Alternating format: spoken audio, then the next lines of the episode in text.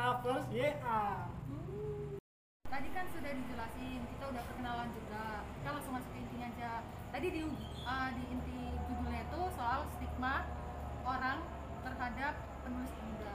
Membahas penulis pemuda, mungkin kita nggak asing lagi ya sama di salah satu dia itu uh, senang nulis puisi gitu tentang mungkin yang galau-galau gitu. Mungkin kita bisa tanya langsung gitu. Awal tertarik gitu, tertarik untuk nulis puisi kalau uh, mungkin apa karena pengen ngungkapin perasaan tapi dia takut gitu ngungkapin secara langsung mungkin bisa sharing gitu Uh, saya ini sering membuat uh, menulis gitu.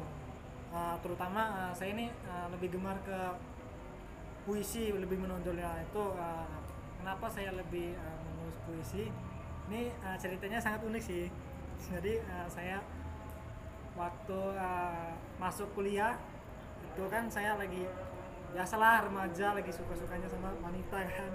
Nah, di situ uh, saya itu kayak apa ya uh, susah gitu mengungkapin perasaan saya ke wanita itu. Jadi gimana ya uh, caranya gitu kan? Kalau kita nggak ungkapin juga uh, kayak susah gitu. Jadi uh, lewat tulisan gitu kan lebih enak. Jadi uh, kayak perasaannya lebih enak gitu kan untuk diungkapin. Terus gi- iseng-iseng sih iseng-iseng uh, saya buat musikalisasi puisi terus saya kirim ke cewek itu ya puji Tuhan uh, apa ya respon dari cewek itu uh, sangat bahagia gitu. Jadi kayak wah uh, gini ya uh, cara ngedeketin wanita gitu yang kita suka gitu. Jadi lebih ke gitu aja sih lebih kenapa seneng ke nulis karena uh, awalnya karena lebih lagi apa ya lagi suka-sukanya sama wanita gitu.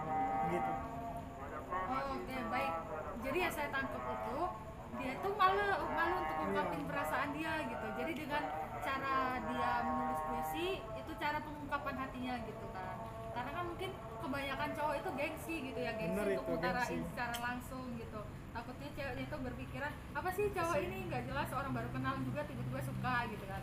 SKSD gitu lah Iya. ya nah membahas soal penulis gitu dia udah mengungkapkan gitu ya awal tertarikannya dia hingga dia tetap tekunin itu kita itu pastikan dalam menulis itu punya kendala stigma dalam diri gitu.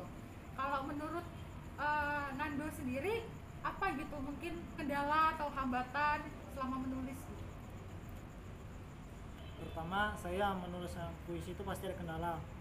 Apalagi uh, saya ini kan bisa dibilang penulis pemula gitu kan. Uh, dari dulu emang saya nggak suka menulis cuma karena dari awal yang tadi karena saya lebih suka ke wanita jadi saya lebih uh, mau gitu untuk menulis gitu kan. Nah, kendalanya itu uh, pertama-tama ya kalau sebagai uh, penulis pemula itu pasti uh, minimal kosakata kan. Uh, banyak uh, orang-orang yang apalagi yang penulis pemula-pemula itu uh, kosakatanya itu sangat kurang gitu. Makanya untuk uh, teman-teman yang mau menjadi penulis pemula itu harus lebih banyak-banyak baca-baca buku apa dari uh, Google-Google gitu agar uh, kosakata dari teman-teman itu bisa banyak gitu. Gitu. Tadi dibahas soal kendala dia tuh mungkin hanya satu ya ter- sangat hebat sekali guys. Kalau eh, minimnya kosakata itu mungkin karena kurang membaca. Oke Iya. benar banget itu kurang membaca. Eh, karena kan kebanyakan eh, orang muda yang sering aku lihat itu eh, baca itu paling mereka itu hanya membaca yang bergambar. Kalau nggak baca baca wetpad atau baca novel gitu mungkin mereka memperhatikan diksi gitu ya lebih ke diksi mungkin. Karena dia juga seorang penulis puisi lebih banyaknya ke diksi gitu. Kalau saranku memang harus banyak membaca gitu. Tapi kalau aku sharing eh, terkait kendala itu aku itu orangnya tuh eh, takut untuk memulai gitu. Karena aku bingung untuk mengutarakan misalkan kalimat awal apa yang harus aku ungkapin gitu padahal memang dalam hal itu yang menjadi modal paling besar aku itu adalah ketika kita merasa gelisah. Itu adalah modal utama modal yang luar biasa untuk kita tuh eh, menerjemahkan itu dalam bentuk tulisan gitu kan. Karena kan ide itu kan dari otentik dalam diri kita gitu. Jadi misalkan selama eh, menulis puisi kan pasti kita ada kendala gitu ya kendala. Terus pengalaman apa pengalaman apa contoh pengalaman apa yang konkret dalam diri kamu yang itu bisa membangun kamu sampai kamu itu benar-benar yakin ikut lomba ini udahlah maju gitu. Pasti kan kebanyakan orang kalau misalkan ikut lomba dia udah kalah itu udah udahlah males lah gue ikut lomba juga percuma paling cuma dapat sertifikat gitu kan. Mau eh, lebih kemajunya itu pengen bersaing sama orang lain itu kayak gengsi gitu. Gimana caranya itu untuk kasih solusi gitu sama orang-orang yang lain gitu yang eh, hanya apa terpaku hanya dengan eh, ikut lomba hanya ingin dapat sertifikat gitu. Itu gimana solusinya? Mungkin bisa sharing gitu. Pertama itu kita harus punya tekad untuk uh, sukses gitu. Kedua uh, harus apa ya dari dorongan teman-teman semua gitu kan. Uh, ketiga itu motivasi dari diri kita sendiri. Terus keempat itu dari mentor mentor misalkan dari uh, Google atau dari Facebook gitu kita cari mentor-mentor gitu gitu. Uh, Nando itu mempunyai pengalaman dan solusi dia itu adalah untuk tekad terus ada motivasi dalam diri sama untuk uh, mencari mentor gitu mendapatkan mentor gitu yang membuat dia tuh yakin gitu untuk menulis puisi, puisi atau menciptakan sebuah karya gitu. Di sini saya akan menyampaikan bah, uh, akhirnya itu. Jadi menulis adalah sebuah skill dasar yang membantu kita dalam berbagai uh, hal dalam kehidupan. Misalkan kehidupan gue yang penuh mungkin gue nggak bisa utarain ke banyak orang gitu. Gue bisa ngungkapin itu dalam bentuk tulisan gitu. Pokoknya intinya jangan takut untuk menulis walaupun tulisan lo jelek tulisan jelek itu wajar. Pokoknya jangan takut untuk menulis tulislah hal yang membuat kamu itu uh, dari hal yang sederhana aja. Misalkan kamu hari ini buat daily uh, buku catatan harian gitu hari ini kegiatan gue tuh ngapain gitu mungkin dari itu lo bisa membaca oh ternyata gue tuh kurangnya ini gue harus memperbaiki ini gitu. Mungkin sekian podcast podcast clovers kami. Saya Gomez. Saya Nando. Uh, untuk teman-teman semua kalau ada saran-saran atau uh, motivasi dari teman-teman semua untuk apa uh, podcast selanjutnya uh, di kolom komentar ya. Dan jangan lupa like sama subscribe ya teman-teman. Terima kasih. Bye. See you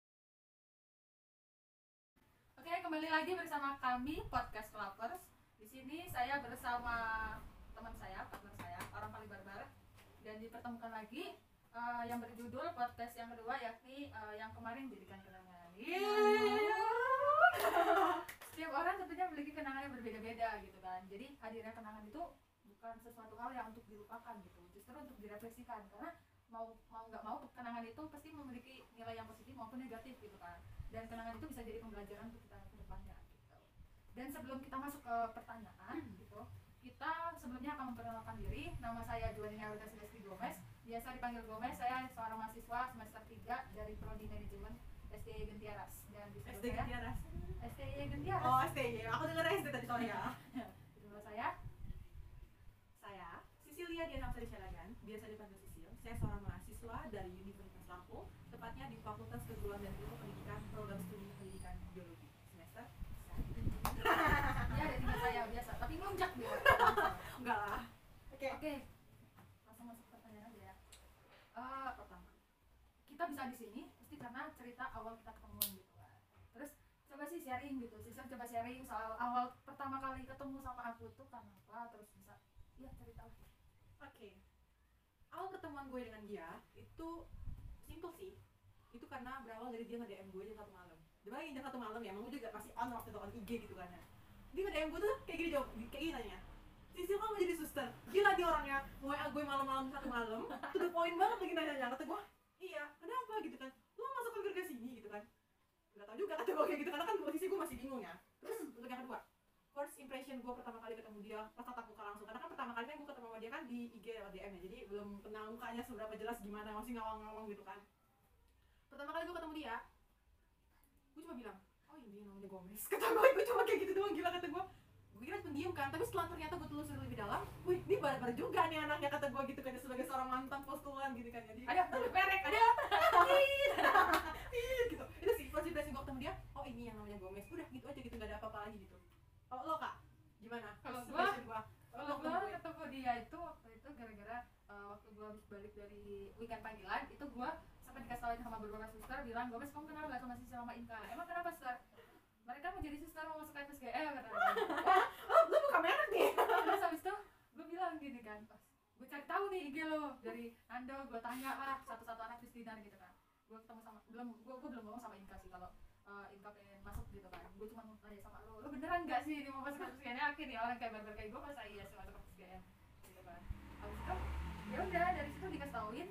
Terus mulai ketemuan lagi itu pas sering chatan doang sering DM-an juga chatan itu ngajakin ketemuan ke biara lansia suster HK iya biara induk ya. Suster lansia. biar lansia kan gitu miling kalau yang induk gitu loh. Nah, lupa kan? Bukan biara induk sih pokoknya komunitas suster gitu. Yang ngarah di itu loh ngarah ngarah rumah sakit. lembah hijau itu lembah hijau nanti lurus lagi. Gria Nugraha ya Gria Nugraha ya itu ya maaf ya lupa. Nggak pernah sana lagi sih soalnya. Ya itu waktu itu ketemu sama suster Anita ya. Seranita suster Gracia. Yang sampai nyasar nyasar itu Iya. gitu kan. Sampai suster Gracia itu terheran-heran gitu. Orang bandar Lampung kok nyasar gitu. Aneh juga. Aneh kami kan Karena- aneh tapi nyata gitu Iya, karena nyata. bangunannya baru sih jadi nggak tahu juga satu-satunya rumahnya ya biara itu. Oke next kita lanjut aja. Tadi kan kita menyinggung soal panggilan gitu ya. Awal asal mula kita bisa tertarik memasuki sebuah biara itu dari mana sih? Coba Sisil sharing dulu lah. Kalau dia mau ngomongin kalau diingat-ingat sejarah panggilan gue itu lucu gitu ya. Bahkan kalau orang bilang tuh gak masuk akal gitu. Kan atau orang bilang tuh kayak gue ngigo setengah sadar gitu kan. Jadi pengen lulus suster itu cuma karena satu. Karena kemarin itu kan masih SMP ya. Gue ngeliat tuh banyak iya gue SMP Oh, dari SMP. Gue tuh ngeliat orang tuh pada kuliah gitu kan apalagi gue punya kakak sepupu yang masih kuliah waktu itu. Ribet gitu kan kayak apa sih gitu kalau kuliah gini? Jadi gue bilang kayak gini ah masuk suster kayaknya enak kali ya gak akan disuruh kuliah. Tapi ternyata itu salah kesalahan besar gue gitu kan. Ya justru di suster-suster itulah mereka pendidikan jauh lebih tinggi gitu kan. Ada yang S2 bahkan sampai S3 gitu kan ya. Itu pertama kali gue pengen di situ karena gak mau kuliah yang, kedua karena gue gak ada minat mau mm, berkeluarga. berkeluarga. Seperti itu kayak kayaknya jauh hidup dengan orang yang lebih keramaian tuh kayaknya lebih seru gitu kan kita saling bertukar pikiran satu sama lain gitu. Itu kayaknya lebih seru kebanding kebanding hidup berkeluarga. Bukannya gue nggak mau cuma kayaknya gue lebih tertarik untuk hidup bersama orang-orang lain gitu dan fokus sama gereja dan pelayanannya yang lain kayak gitu. Oh jadi lebih pengen mengabdikan mempersembahkan diri seutuhnya untuk Tuhan. Yes gitu. Karena gue pengennya buat Tuhan aja apa yang gue punya tuh ya buat Tuhan gitu loh ya kalau lo gimana? Kalau gua karena gua dari SMP SMA itu punyanya suster SGM saya tinggal gua tinggal sama suster SGM gitu ya selama berapa tahun? 6 tahun lah ya. Terus? sama ya jadi anaknya SGM berarti ya. Anak anak asuhnya anak ya. asuhnya. Nah, terus habis itu eh, karena dulu lulusan SMA Franciscus itu baru pertama kali saya jadi suster gitu kan, pengen jadi suster. Itu dibangga-banggain banget gitu kan, kayak mengapresiasi banget, spesialis banget gitu lah. Pokoknya eh, jadi waktu itu emang murni pengen jadi suster karena emang panggilan dari kecil sih gitu kan. Jadi masuk suster lah. Terus eh, deket jalanin gitu kan. Cuman dekat jalan nih kayak lagi deketin cowok gitu ya enggak enggak lah. Itu kan beda masalah beda terus terus terus terus terus eh, sama apa ya dulu gua eh, masih apa ya orang tua masih kayak agak takut juga sih mau melepas masuk biara apa yang beneran atau hanya sebatas pelarian atau segala macam ya seperti itu lah pokoknya lanjut aja ya pertanyaan berikutnya. Nah itu tadi seharusnya ngomong soal orang tua itu di pertanyaan selanjutnya gitu lah ya. Jadi saya langsung ke aja tuh pertanyaannya eh, reaksi orang tua kalau eh, di rumah masuk biara itu gimana? Reaksi orang tua kalau kita dengar-dengar dari cerita para suster yang lain juga pasti ya reaksinya mungkin nggak nggak apa sih 11 12 lah nggak jauh beda gitu kan ya. ya reaksi pertama orang tua tuh kaget gitu kan karena apalagi gue ngomong langsung belak belakan gitu kan ya. Pak ma pengen jadi suster gitu. Nah gue langsung kayak ini anak sambet apa gitu kan ya kan roh kudus cipratan dari mana gitu kan ya. Jujur gue langsung ngomong kayak gitu belak belakan ya awalnya mereka kayak kesel gitu kan yang ngapain sih jadi suster kayak gitu. Apalagi kan gue anak pertama gitu orang Batak kan tuh anak pertama kan junjung banget gitu kan bawa nama keluarga. Mereka bilang nanti gue gak bisa punya anak lah kayak gini lah. Gitu tapi kata gue ya gue bodo amat gue gak mikir seperti itu. Karena kan gue harus mutusin apa yang pengen gue hidupin gitu kan ya. Cita-cita gue gue yang pilih sendiri. Gue gak suka namanya sampai diatur atur sana sini gitu kan ya. Ya bukan berarti orang tua sama keluarga tuh gak berhak loh ngasih saran sama gue ya berhak. Tapi kan saran itu diterima bisa enggak kan? Nah, itu reaksinya marah sedih dan kayak dongkol gitu. Ngapain sih? Itu pasti reaksi pertamanya kalau eh, reaksi itu marah dongkol itu kayaknya lebih ke khawatir sih orang iya lebih ke khawatir. Karena mereka takut kan kayak Iya. nanti bisa nggak karena kan kehidupan di biara itu nggak kayak kehidupan yang orang awam biasa gitu. Karena kan sana kita diolah dan kita memberikan diri kita untuk dibina di sana. Iya. nah itu dia mungkin segala bentuk binaan itu harus eh, harus kuat tahan banting gitu kan ya. oke nanti kita akan kita bahas di pertanyaan selanjutnya. Kalau dari aku sendiri reaksi orang tua pertama waktu abis weekend panggilan lagi kembali ke weekend panggilan itu aku langsung ngomong sama pulang itu baru di rumah itu baru aku sama ayahku gitu. Terus? Aku ngobrol sama ayahku ya aku mantap jadi suster. Ayahku nangis. Nangis ya nangis. Jarang loh cowok nangis berarti kalau seorang cowok udah sampai nangis tuh berarti udah kayak aduh perasaannya udah kayak gimana? Ada gitu ya? ada ada kita sama ibu. terus karena waktu terus. itu belum ibuku belum pulang terus habis aku bilang aku bilang sama ibu bu aku udah ngomong sama ayah kalau aku mau jadi suster. Eh, aku juga mau izin sama ibu kok ini jadi suster gitu. Beneran kamu ibu kan malah nanyain beneran kamu yakin nih masuk suster yakin kayak meyakinkan aja gitu. Tapi kalau dari mbakku kurang setuju karena kan eh, masih SMA kalau bisa kuliah dulu habis dari kuliah baru bisa lah masuk biara gitu. Setidaknya udah ada pegangan pendidikan. Kalau misalkan susternya nggak jadi kan udah langsung bisa kerja gitu. Nah ya bener tuh. Tapi ya. Ya begitulah namanya panggilan kita nggak bisa dari harus ngikutin orang tua kita jalanin ya udahlah this is my life gitu. Ini kehidupan kita. Oke Next. kita lanjut pertanyaan berikutnya. Oke gantian gue nanya duluan ke dia oke silakan. Kan sebagai seorang mantan mantan, mantan postulan tepatnya di salah satu kongregasi suster yaitu FSGM pastinya tuh ada loh perjuangan yang dihadapi untuk bukan perjuangan ya kayak ada tahapan-tahapan yang harus dilalui supaya bisa mengenal kongregasi ini. Pertanyaan gue coba sih ceritain kenapa dirimu lebih memilih FSGM dulu? Bukan lebih memilih seperti kayak kenapa memilih FSGM gitu? Apa unsurnya ya unsurnya itu kembali lagi kayak asal mula gue sih karena gue udah kenal dari eh, sama FSDM 6 tahun lah ya bisa dibilang ya. Tiga tahun SMA tiga tahun dari tahun SMP dari tahun ya SMA tiga tahun tiga SMA ya seperti itulah ya. Terus eh, kebanyakan juga kontak dekat sama suster FSDM gitu. Walaupun emang saudara kebanyakan dari HK tapi eh, aku memang cinta banget sama Franciscan. Oh, iya? cinta kan Francisca cinta berkelayan oh. seperti itulah. Pokoknya ya itu kenapa pilih FSGM itu yang pertama ada nggak alasan keduanya apalagi? Kenapa dulu gue ngefans sama salah satu oh ngefans ya? Gue kira ngefans cuma sama artis dong ternyata ngefans sama suster juga lebih itu ya? Kayaknya lebih enak ya karena lebih akrab juga dulu waktu di asrama kan tiga tahun sama suster Magdita wah tetap merah kaki sama suster Margarita FSGM ya suster saya kangen padamu. Oke suster Margarita di mana pun suster berada di mana pun suster melihat kalau misalnya lihat ada yang kangen nih? Gomez. Keren keren kak. Terus? Ya pokoknya beliau itu selalu bilang awas kamu gak jadi suster saya tunggu pokoknya. Kayak suster Margarita mendukung mendukung banget gitu. Suster Margarita sekarang di mana? Sih Jogja ya? Ya di Jogja. Sekarang Lagi lagi studi. ya, lagi Oke. itu ya gitu. ya itu pokoknya itu mendukung banget gitu Oke. Uh, waktu udah masuk juga udah masuk berkumpul uh, aspiran waktu itu kami ada berdua belas. Waktu itu 12 harapannya sampai pos bulan sampai selesai. Karena uh, waktu menyongsong 150 tahun FSGM itu uh, sempat dikasih tauin bocoran sama salah satu suster. Itu kalau kalian berdua belas lanjut sampai selesai bakal dimasukin di uji doa. Dan waktu 150 tahun FSGM kalian bisa maju 12 orang mewakili 12 generasi muda pada zaman milenial ini. 12 apa ya murid Wow. Yesus pada zaman milenial gitu. Itu yang mereka bilang sih waktu itu. Makanya saat itu emang gue belum akrab banget sama mereka terus gue berusaha nyatuin mereka dengan berbagai karakternya masing-masing. Ada yang lebih tua waktu itu. Namanya salah satu ada dari Jakarta. Dia lebih tua daripada kami tapi dia tuh orangnya friendly banget gitu humble banget gitu sama kita kita ya gitu terus dari 12 yang masuk balik lagi untuk ke aspiran itu untuk lanjutin masa pendidikan selama tiga bulan. Kami aspiran itu tiga bulan ya FSGM itu di asrama Putri Sandara Satu Tiga Ribu itu bersama suster Hendrika formator aspiran. Itu kami menjalani selama tiga bulan itu ada sembilan orang. Jadi satu kamar aspiran itu benar-benar isinya sembilan orang.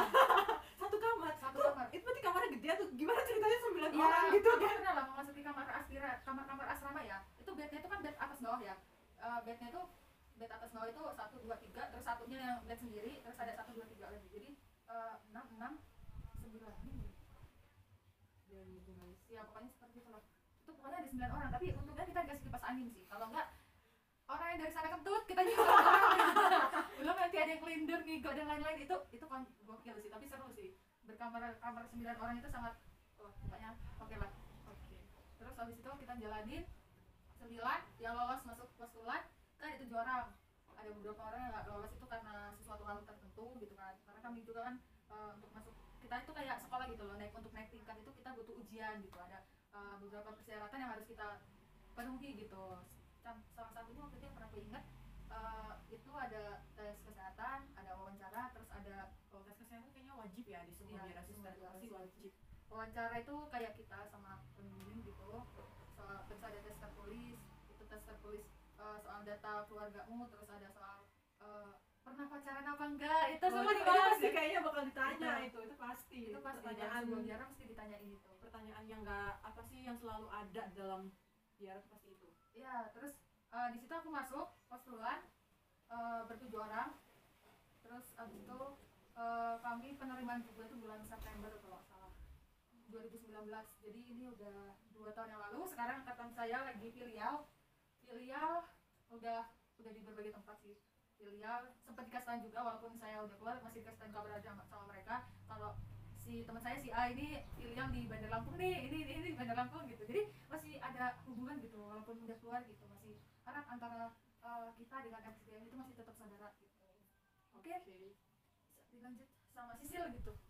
Lanjut apa nih Eh, kenapa atau gimana? Ya gimana gitu. Awal kan pendidikan di biara FSGM kan tiga bulan untuk itu terus postulan itu setahun eh, enggak sepuluh bulan terus eh nanti satu itu berapa tahun ini ini gitu kan untuk Sorry. tingkat pendidikannya gitu sorry kayaknya gue bukan FSDM apakah beda gitu Oh. dengan kongregasimu gitu Oke. Sebagai mantan aspiran dari salah satu kongregasi Kristen di Pulau Jawa, tepatnya di Purworejo, Jawa Tengah, yaitu kongregasi Kristen Putri Bundati Kudus, biasa disebut PBHK. Eh, seperti tadi, kenal kongregasi PBHK dari mana? Kenal kongregasi PBHK waktu itu pas simpel sih, pas lagi mudik ketemu suster ada suster PBHK. Awalnya tuh gue nolak gitu kan waktu itu kayak "Ini suster apaan sih? kata gue gitu. Karena gue masih kayak bajunya sih hampir-hampir mirip ya kayak kongregasi FSGM. Hanya perbedaannya tuh kalau berarti FSGM kan ikat pinggangnya sampai perut ya sampai belakang full. Kalau yang dari PBHK kan cuma dari pinggang ke belakang doang. Alasan gue milih kongregasi PBHK tuh gue gak tahu waktu itu alasannya apa. Cuma kayak tertarik aja gitu gue masuk situ gitu kan ya. PBHK namanya unik gitu Putri Budati Kudus jarang. Dan gue pengen banget masuk situ terus apa lagi nih? Kapan pendidikan. Oh oke tahapan pendidikan yang membedakan kongregasi PBHK dengan kongregasi FSGM mungkin mungkin ada bedanya juga pasti ada perbedaannya. Kalau di tempat kongregasi gue itu aspiran mereka kalau di FSGM kan cuma tiga bulan. Tapi kalau di tempat gue PBHK ini minimal tuh 8 sampai atau 12 bulan. Kalau kemarin angkatan gue cuma apa namanya cuma 8 bulan.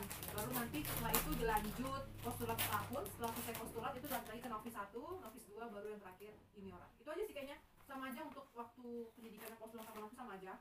Cuma mungkin aspirannya aja yang beda 8 sampai 12 bulan. Karena di kongregasi gue itu mereka nggak butuh orang mereka nggak butuh banyak tapi mereka tuh butuh yang serius gitu kan yang kayak bener-bener makanya di aspiran itu kita bener-bener digembleng bahkan diajarin lagi dari hal-hal kecil sampai hal-hal besar. Ibarat kita kayak masih play group lagi mas balik lagi ke PG yang belum ngerti apa-apa jadi harus itu sama sini sini. Kalau gue sih itu tapi kalau menurut gue sejauh ini paling enak masa aspiran. Yes! Karena di masa aspiran itu tuh kita masih bisa barbarin ya mungkin nggak barbar bukan barbar sih seenggaknya masih sedikit bebas dibandingkan dari tahapan-tahapan yang lain gitu kan. Ya karena di aspiran itu kita masih lebih bebas kita masih bisa berekspresi bebas sama gaya-gaya pakaian kita. Ya mungkin kalau gaya pakaian ya mungkin ya itulah ya bisa mengerti Tapi- sendiri. Eh, bebasnya itu dalam artian ya berekspresi sih oke. Tapi kan eh, aspiran itu menurut gue itu masih kayak benar-benar bimbing sih. Kalau misalkan kita kurang nih buat masak gitu ya kita diajarin buat mengenal satu sama lain hidup bersama hidup berkeluarga berkeluarga. Eh berkeluarga apa sih? bersama hidup hidup doa gitu kan. Itu masih diajarin benar-benar diajarin sama suster cara makan gitu kan. Kalau suster itu kan cara makan pakai makan pakai sendok sama garpu makan jangan ngecap jangan bunyi. Itu tuh benar-benar diajarin benar-benar sama suster gitu ya. Itu gemes duduknya ya anggun itu benar-benar diajarin dari hal-hal yang sederhana gitu. Makanya tuh bedanya kalau aspiran sama postulan kalau postulan kan kita nggak mungkin. Gemes lu jangan jangan ngangkat gitu dong. Nggak mungkin kan suster ngomong kayak gitu. Beda itu lah kalau di aspiran gitu kan. Kalau di aspiran kita masih masih ibaratnya kayak masih training gitu lah ya training sebelum masuk ke itunya oke thank you. Selanjutnya nih gue nanya lagi kak. Kan pasti lo pernah lah ngerasain namanya penerimaan postulat kan? Hmm. itu tuh gimana perasaan lo? Apalagi pas lo maju kan itu tuh gue liat video lo gitu kan. Lo di maju diusung-usung gitu kan yang ada banyak suster ada banyak kaum awam juga di situ kan yang sampai suster tuh nyanyi dengar dia panggil nama saya. Itu gue ngeliat banget aku tepuk-tepuk tangan semuanya. Gimana perasaan lo kak? Sebenarnya eh, acara penerimaan postulan itu waktu itu karena nggak semua hadir ya. Dan itu 2019 untungnya sebelum pandemi gitu ya sebelum pandemi begitu merebak gitu kan. Itu masih untung banget ya angkatanku Eh, itu ibadat singkat doang ibadat singkat waktu itu kita dengan sepatu pantofel dan lain-lain dan lain-lain hal gitu dengan aku yang pakai sepatu pantofel itu. Suatu hal yang sangat susah untuk aku menyesuaikan gitu ya. Itu habis ibadah terus langsung ke tempat itu di aula itu. Jadi eh, langsung acara itu kita tampil gitu menampilkan sebuah lagu itu waktu itu judulnya apa ya? sambil gandengan tangan gitu ya? Iya sambil gantian tangan. Terus maju dengan dia panggil nama saya waktu itu masih ada Romo Arko. Itu seru banget sih. Itu pendamping kami terakhir waktu di aspiran. Waktu eh, persiapan aspiran bapak postulan itu terakhir masih didampingi sama Romo Arko enak banget orangnya romonya seru juga humble juga. Karena dulu dulu juga Romo Arko kan pas paroki kedatol jadi kenal orang dalam gitu. Orang dalam gitu terus kan. akhirnya beda emang kalau uh, bullshitnya orang dalam.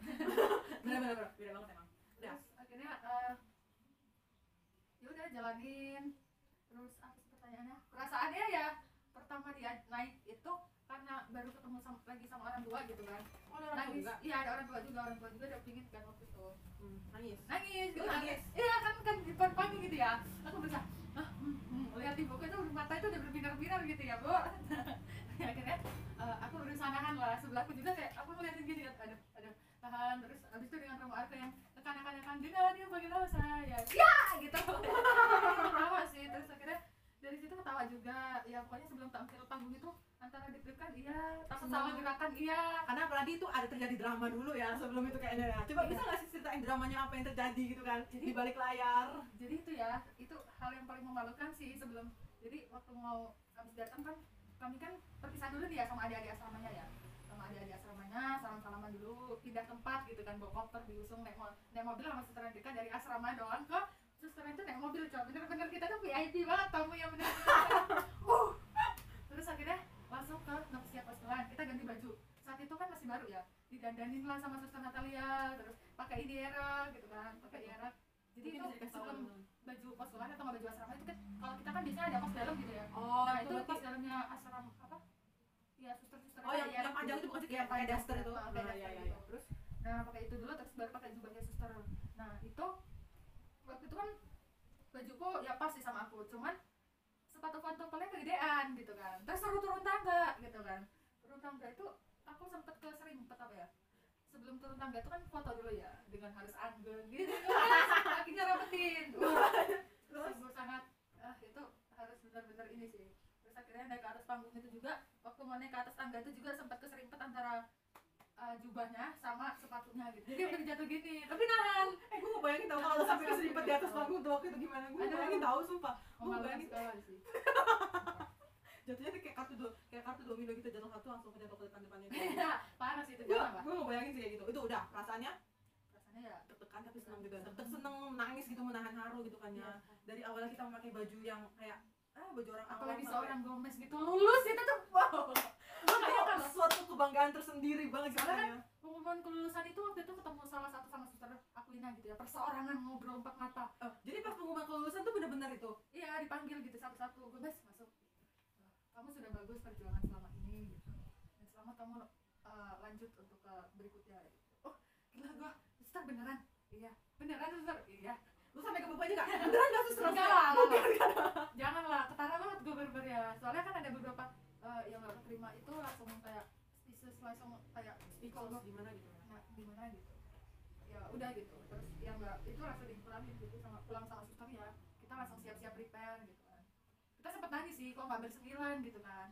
Ya nggak tahu lah ya namanya panggilan. Kan kongregasi juga punya ketentuannya masing-masing yang harus di apa sih diikuti gitu. Yang harus benar-benar punya kriteria untuk masuknya gitu. Jadi ya waktu itu nangis juga karena tapi aku tetap semangatin mereka sih gimana caranya kita tetap bertuju tetap semangat. Gue itu sebagai apa ya agent of change lah. Oh, iya, kayak kayak wak gengnya berarti Iya. ya kayak wak geng banget ya.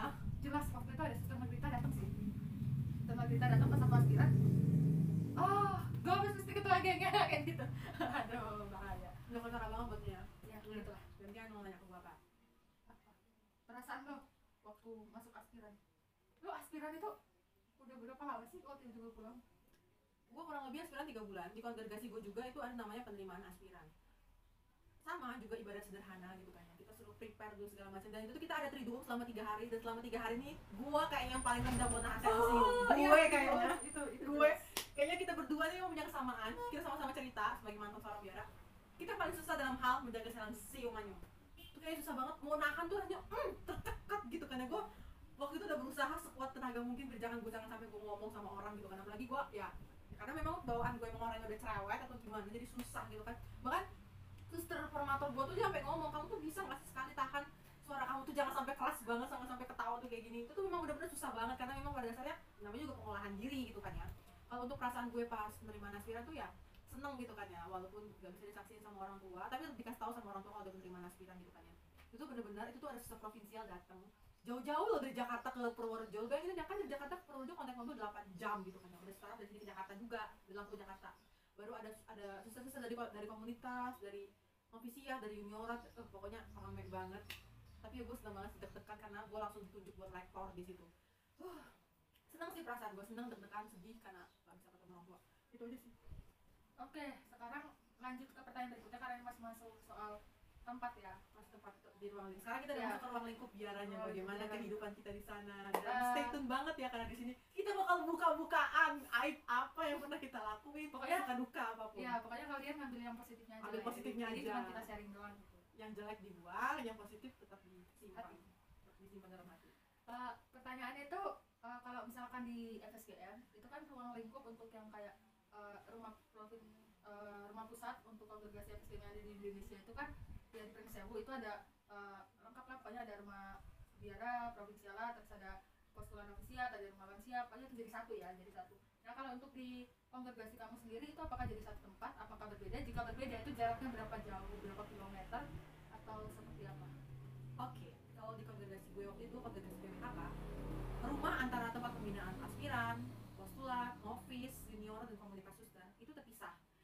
tempat gue kemarin tuh kan di Purworejo Jawa Tengah. Jadi di tempat gue itu tuh kita tuh masih satu komplek, cuma beda rumah. Dan jarak dari antara satu ke yang lain itu cukup jauh gitu kan. Kalau di tempat gue tuh cuma ada empat komunitas aspiran, tempat pembinaan aspiran, novis, juniorat tahun pertama, baru komunitas susteran Purworejo.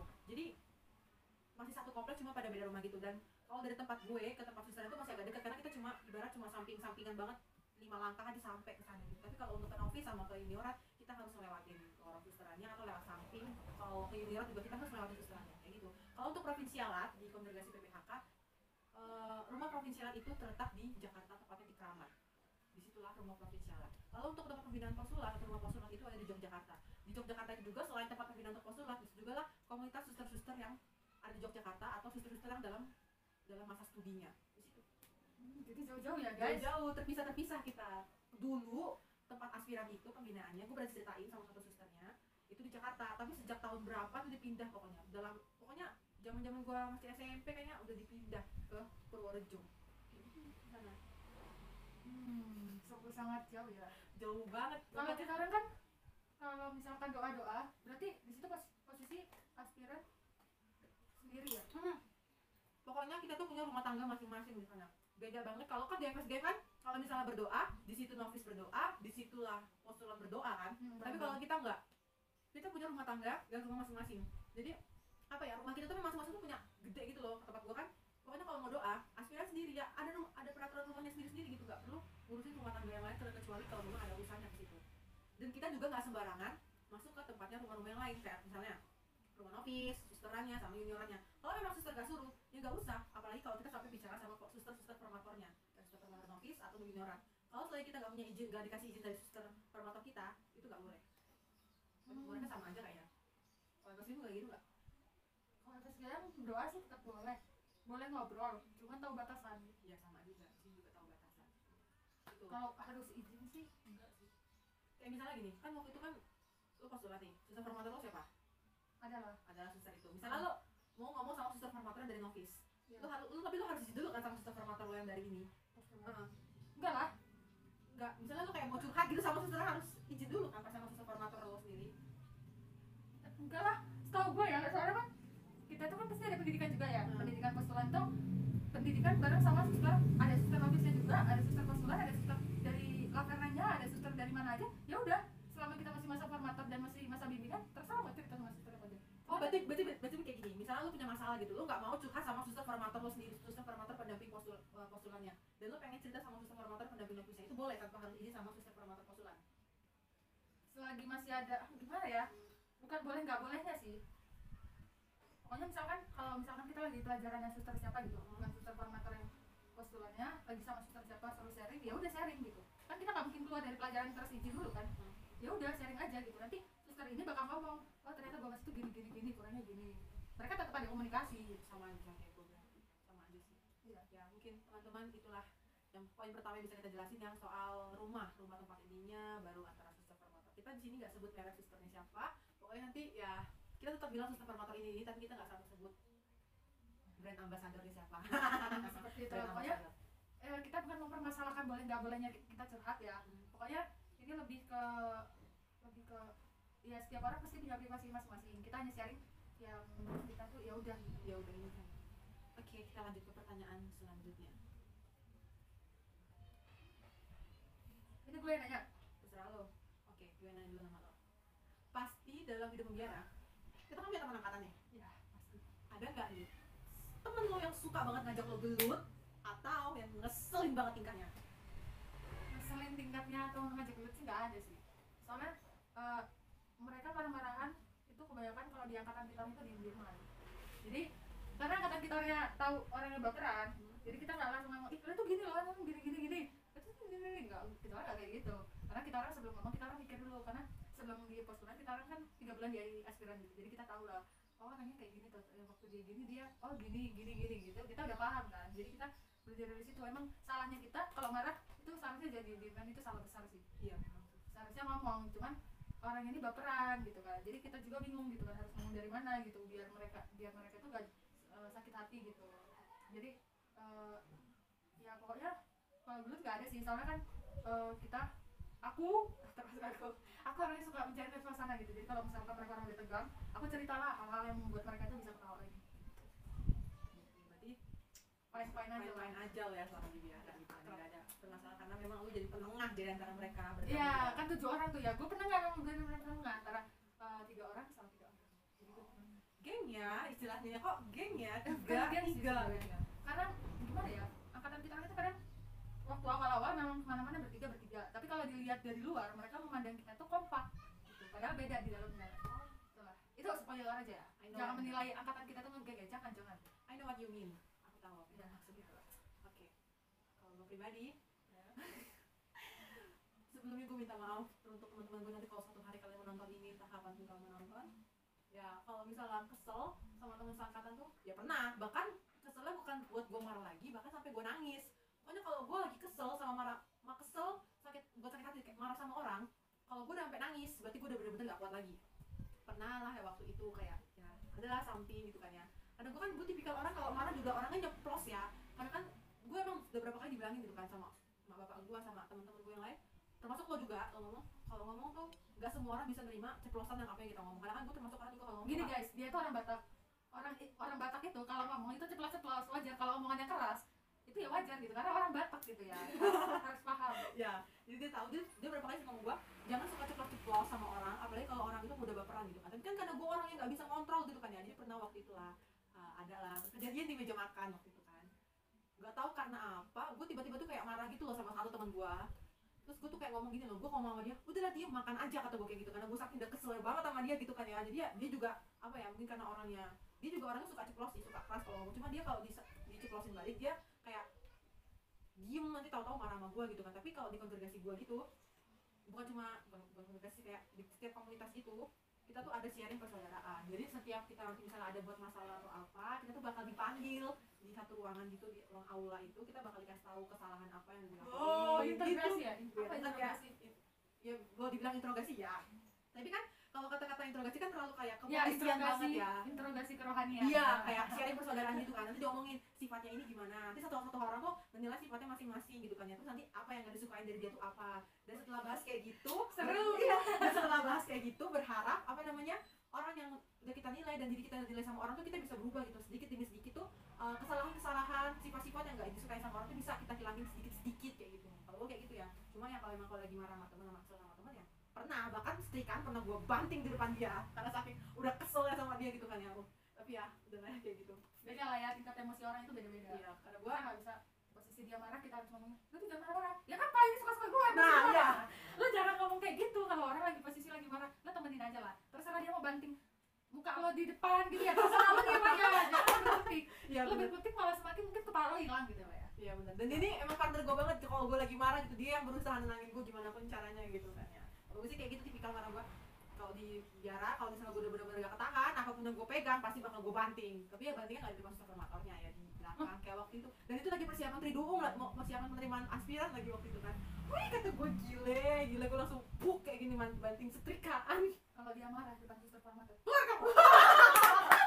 Enggak, suster formator gue itu orangnya tuh gak apa ya, gak bilang keluar kamu, tapi dari sorot matanya kayak gitu kalau gue kan suster formatornya seperti itu udah dia keluar gue ketawa di nah kita kan baru-baru bener emang kita ini kan. Oke itu untuk yang apa namanya? Soal masalah teman seangkatan. Iya. baru nih kita berdua bakal ceritain suka duka kita nih. Suka duka kita yang pernah di kita rasain di biara gitu. Dari lo dulu deh kak pengalaman eh, apa nih pengalaman apa dulu deh ya. Ya pengalaman di biara itu kan luas ya. Ya udah ceritain aja ceritain aja semuanya gitu ya. momennya sangat gue rindukan gitu ya kalau pada saat itu kan nanti aja terakhiran itu kan sekarang kita suka duka nih oh suka dukanya. Untuk suka dukanya gue kebanyakan suka daripada duka. Karena gue dikelilingin orang-orang yang sangat baik hati ke gue gue gak pernah kekurangan selama di biara. Hmm. cuman gue dukanya tuh susah untuk eh, jauh dari orang tua. Karena di angkatan gue termasuk sering yang sering didatengin sama orang tua gitu. Jadi, posisi gue lagi belum siap sering juga orang tua datang gitu. Jadi kan eh, eh, panggilan itu kayak ngambang gitu antara yakin gak yakin gitu 50 persen 50 persen gitu lah dan sukanya tuh setiap gue ngerasa kayak gitu terus angkatan gue misalkan posisi lagi gak akur gue ada salah satu suster yang benar-benar itu ada buat gue Eh, pokoknya siapa ya itu? Pas, ada lah. Ah, ya. Siapa tuh? ada lah nah itu pokoknya pernah gua gua pernah sakit di biara dia sampai jengukin gua datang ke eh, ke kamar gua waktu nggak masuk sih karena waktu itu lagi ada beberapa jadi dia nggak masuk dia cuma ngasih perantara yang waktu lagi tugas kerja di hall apa sekitaran kamar itu dia nitipin ngasih snack waktu itu jadi snack gua tuh nggak pernah kehabisan guys. Snack gua tuh selalu penuh walaupun kemarin baru kasih dikasih lagi sama suster yang paling dekat sama gua gitu. Jadi setiap teman gue yang mau main ke kamar gue guys minta jajan ambil dong di kamar di lemari di lemari gue selalu kayak gitu. Itu selalu walaupun emang gue kalau di rumah suka jajan kalau di sana itu gue tuh kayak udah kenyang loh soalnya gimana ya? Di sana itu ya makanan itu berlimpah luas apalagi kalau pesta Iyalah jelas. sumpah lo bisa nih ya sebelum makan lo disiapin ada apa sih makanan pembuka gitu lah ya pokoknya itu bener-bener terus habis itu kalau mau makan itu ada sayur sop ada sayur asem sayur sayur osen ada sayur apa Ayam. lauk lauk itu bisa ada ikan ada tempe ada apa itu semua segala macam harus diambil satu-satu Hah? iya Jadi kalau misalnya ada 10 lauk tuh semuanya semua harus lo ambil gitu. iya maksudnya diambil yang eh, itu tinggal dikit terus yang nggak bisa lama tahan lama yang harus diselamatkan lebih dahulu itu yang dimakan Berarti kayak sayur itu ya, Hmm. dasar berkuah-kuah gitu ya. gue sampai ingat pokoknya hari Senin Selasa hari apa ya minum susu itu ada ketentuannya minum jahe itu ada ketentuannya minum ini ada ketentuannya Kita kayak teratur kayak beres PP sih? ya kayak gitu terus eh, kalau hari Sabtu itu biasanya kita orang makan mie makan mie pertama makan mie dulu habis Mie apa nih? mie mie rebus Indomie. Ah, nggak tahu sih mereknya apa pokoknya mie rebus ada sayurnya juga kita ngambil dulu kita ngambil ambil mie pakai piring kalau udah nggak makan nasi makan nasi ngambil sayur ngambil lauk gitu kan. Setelah itu udah habis sama susu tuh ya. Terus terakhir makan telur. Telur telur rebus dipotong jadi dua diadin pakai garam dicocolin terus kita makan. Apa nggak enak ya terus minumnya susu kalau gue sih nggak enak sih cuman gue tuh kekenyangan banget. Terus kalau ada buah atau ada es buah itu diambil. Tapi kenapa lo gak gendut-gendut gitu ya? eh gue di sana gendutan cuy. Setidaknya pipi gue tuh ada cabai dikit lah. Terus gue putihan gue gak jerawatan kayak di sini Ya seneng karena lo kan dalam ruangan terus gitu kan ya. iya yang paling gue senang itu dulu eh, itu yang paling aneh dan baru pertama kali gue coba itu adalah setup tomat Satu tomat tuh gimana? jadi tomatnya itu kan tomatnya kita potong-potong nih jadi empat bagian Hmm. terus habis itu kita masukin di air di air ada gula ya gitu kita diemin selama semalam habis itu besoknya kita coba setup tomat kayak gitu Eh, enak tuh kayaknya. ya, enak cuman gue gak enak gue gak seneng bijinya gue tuh anti gue Randy kalau udah suruh makan buah tomat itu. Tomat. Nah, Ren, tomat. Gitu kayak gitu. Terus kalau makan itu kan kita kan biasa bergilir gitu ya muter jadi kita tuh gak cuma makan bareng sama angkatan kadang kita bergilir makan sama ada dua suster formator. Dan kita di kanan kirinya tuh harus ada satu novisiat satu postulan gitu Nah, terus jadi itu bergilir gitu. Misalkan udah pernah duduk di sana harus duduk sama susternya gitu. Waktu duduk sama suster kita tuh harus belajar peka. Misalkan suster udah selesai makan gitu ya. Pasti kan kalau mau makan buah piringnya itu harus dipindahin. Hmm. nah kadang ada suster yang mau eh, makan tipikal dia yang sesu- sesuai mood ya kadang piringnya itu untuk tempat sampah atau piring itu mau diambil dia tuh nggak mode-mode loh dia tuh kan diam makan terus kita tuh harus instingnya tuh harus baik gitu kalau mau suster sini eh, saya ambilin untuk tempat buahnya kita harus kayak gitu kalau nggak ntar ya gitu Anjir. Berarti kode kerasnya susu tuh kayak oh gitu ya. udah kayak gitu. Terus makan buah juga itu suka dukanya gue. Makanya gue tuh paling susah kalau suruh makan buah pakai pisau. Apalagi motong apa ya yang bulat-bulat lah bulat-bulat itu kan Apel, jambu, jambu kristal itu. Iya, Lo pernah jambu kristal. itu? itu sumpah susah banget, keras banget, jijik banget. Gue harus makan satu buah satu buah. Terus kalau makan sawo juga kan mupas ya. Terus buahnya itu nggak boleh kita pegang harus kita makan gini nggak harus taruh di piring dipotong jadi kotak-kotak kecil baru kita makan kalau buahnya mencolot ya udah ketawa lah satu meja itu sering buah itu mencolot untuk kesekian kali eh, eh mencolot tuh gimana ceritanya tuh mencolot tuh gimana gitu loh jadi gue tuh mau nancepin pisau apa pisau kan buah ke buah tapi buah itu kayak minggir minggir minggir terus lo jat apa ya dia itu kayak lepas gitu loh dari terus setelah kita ketawa juga Iya ketawa lah, eh, terus terus waktu waktu meloncatnya pas dipegang gua gitu. Dia bilang gini, terus temannya bilang gua, terus kalau main mau main golf di depan aja jalan di sini. Gua nggak main golf, Cok. gua mau tancap ini. Susah. kalau gue ya gotong royong gitu lah, cari capek-capek tapi seru ketawa. Nah, kalau gue secara pribadi waktu itu kalau di sih gue gak ada sih ketentuan harus makan kayak gini. Karena kan masih rumah tangga masing-masing ya waktu itu. Cuma pengalaman yang paling gak bisa gue lupa itu pengalaman suka sih dia. Jadi waktu itu apa namanya temen gue tuh kan kan duduk. Ini kan suster kan pasti kepala mejanya kan. Gue tuh duduk gue tuh duduk di samping temen yang barisan kedua itu kan. Itu ada temen gue tuh minum pakai dua gelas. Sa- satu tuh gelasnya satu gelasnya temen satu gelasnya temen gue yang namanya ya itulah. Baru gelas di sini. Dia tuh tangan kanan itu tuh pegang gelas dia sendiri. Tapi di sebelah itu dia pegang gelas punya temennya dan dia tuh minum dari gelas temennya gitu dong. Dan secara gak sadar dia bilang saya minum pakai punya siapa ini? Dia minum pakai punya gelas temennya gitu kan. Jadi satu sontak banget satu meja makan tuh ketawa semua termasuk gue apalagi gak bisa ketahan dan perut gue tuh penuh banget dengan sayur urap waktu itu kan. Gue Gua ngebayangin ini banget ya anjir. ya kan? Cuma lu bayangin aja kayak gitu. Apalagi gue tipikal orang yang gak bisa nahan Kalau gua orang yang ketawa gitu kan. dia minum gelas gua, gua langsung gini. Gua langsung kaget, gua bingung, gua panik. Anak ini nggak salah ngambil gelas, gua langsung kayak gitu.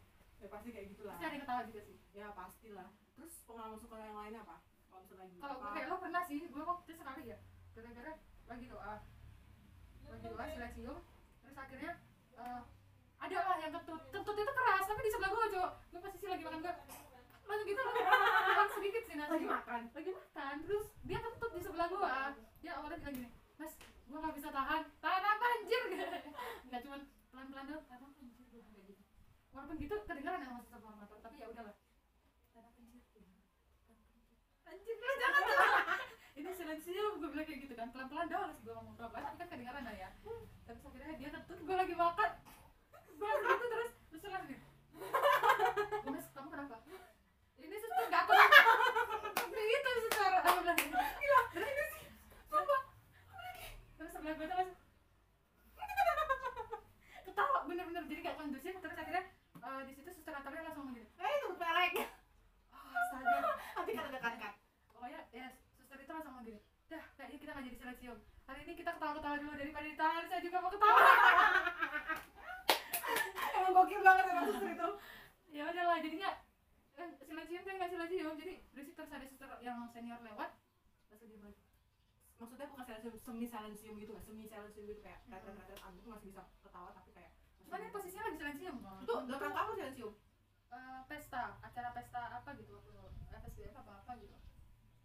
Astaga lu orang ini. Nah oke pengalaman suka gue sih jarang ya cuma pengalaman suka tuh ya paling kalau sama yang di gue ya di PBHK tuh kayak paling kayak kumpul bareng suster-suster apa suster-suster novis atau junior jadi waktu itu gue inget banget momen gue pas lagi penerimaan aspiran itu tuh kan selesai penerimaan itu kan kita pada beres-beres tuh piring-piring sama piring snack yang udah kita pakai buat makan itu kan. Jadi pada cuci semua dan gue tuh mau gue tuh pergi ke belakang pintu dapur itu. Gue ketemu sama gue disamperin sama suster. Novis satunya adalah suster.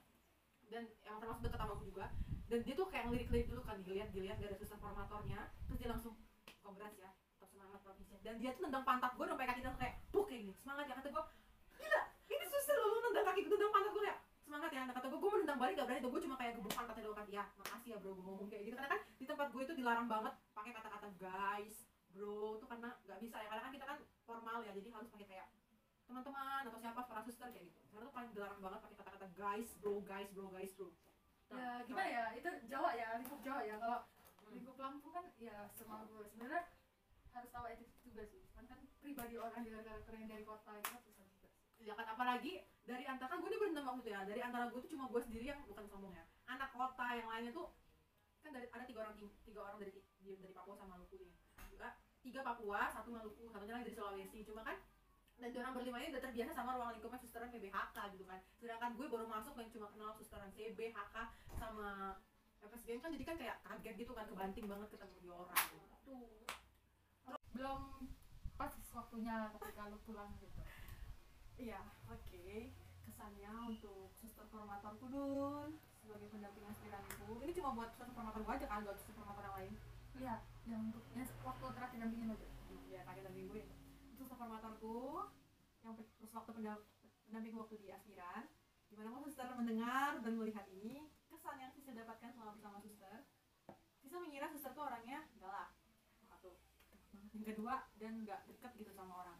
Tapi ternyata pemikiran Sisil tuh salah. Suster tuh justru baik baik banget keibuan friendly dan tegas. Sisil suka gitu kan dari awal tuh emang Sisil tuh udah udah dibutakan dengan segala segala macam ketakutan. Tapi kesan yang Sisil dapatkan selama bersama suster suster tuh baik keibuan suster tuh mengerti apa yang Sisil butuh suster mengerti apa yang saat ini Sisil alami. Tanpa Sisil bicarakan pun suster sudah tahu apa yang mau Sisil bicarakan dan apa yang sudah mau Sisil inginkan gitu. Pesan Sisil sih untuk suster semoga suster sehat selalu ya. Jangan nangis. Aduh. Selesai. Kalau udah bicara hati ke hati itu beda. Iya, bahagia selalu ya suster. Tuh kangen sama suster karena semenjak Sisil pulang Sisil memang dulu memang Sisil bilang Sisil bakal tetap berkomunikasi sama suster tapi ternyata tuh enggak. Sisil mulai lost kontak karena memang sibuk untuk ngurusin mulai persiapan kuliah dan pengendapan diri. Tapi pesan Sisil untuk suster, suster selalu bahagia ya. Jangan stres dan tetap jadi suster formator yang selama ini Sisil kenal. Suster formator yang baik, yang ceria, yang tegas dan bersifat keibuan. Itu aja sih gue pintar pidato juga ya Lanjut Kalau lo nih kak. Sebagai mantan postulan FSGM gini ya. Dan Ada gak sih eh, Kesan-pesan yang pengen lo sampaikan sama supermator Tapi gak sempet keungkap waktu mau pulang? Oke kalau dari saya singkat sih singkat padat dan jelas aja ya. Karena masih ada banyak pertanyaan yang harus kita jawab. Eh, kalau dari aku pesan eh pesan pesannya seru. Eh, suster formator kayak bukan suster formator lebih ke temen lebih ke ibu Mama lebih ya. ke ya pokoknya eh, juga orangnya nggak tegang-tegang amat seru juga. Maksudnya humble friendly banget pokoknya seru. Ya eh, serunya itu selalu ada gitu. Setiap eh, tugas eh, disuruh diminta tolong apa gitu itu selalu ada. Hal yang membuat aku itu ketawa. Nggak tahu kenapa. Pokoknya ada aja. Tingkah kelucuan antara ketika kita waktu senam atau nggak di kebun belakang tuh ya kita nanam nyangkol nyangkol Ah, diingat ya berarti ya. Siapa pun suster formator Kak Gomez nih. Suster itu pokoknya. Itu ya. Itu lah ya. Terus? Itu pokoknya seru. Pesannya eh, semoga sehat terus. Eh, jangan terlalu beban memikirkan kami yang postulan atau novis yang ya susah diatur lah. Memang beginilah kami dari karakternya kami masing-masing. Memang harus dibentuk gitu kan. Memang lagi proses pembentukan diri untuk jadi bejana yang begitu wah siap gitu. Eh, terus tetap senyum terus. Ya pokoknya suster itu kalau udah senyum itu lucu. Lucu makanya aku ya aku sebagai gomez aku minta maaf karena susah untuk mengontrol diri terutama sering ketawa suka nggak ceningis ya pokoknya kayak gitulah. Ya ingat uh, baiknya gomez yang menurut suster baik aja. Ya sekarang gomez sudah cukup sukses. Eh, kalau suster pengen cari saya suster bisa datang ke kampus saya. Iya iya iya. Coba tunjukin. Ah di Gentiara suster. Ini Di Tiara sih. Saya menjabat sebagai orang. Saya masih ini suster masih belajar. Waktu itu kan saya postulan juga pasti. Sekarang saya sudah menjalani diri juga di saya saya bakal aktif dan puji Tuhan saya terpilih dan di uh, didukung sama teman-teman buat jadi ketua umum sebuah KF Caritas. Jadi sesuai yang aku suka juga suka nulis. Yeay, itu aja. Oke. Oke lanjut. Kita lanjut ya. Hah, ini dia nih. Aib apa sih yang pernah kita buat di biara? Atau aib yang kadang buat suster itu sampai marah sampai kesel gitu sama kita karena saking tuh sikap kita tuh yang itu tuh aja kesalahan kita itu tuh aja. Apa nih?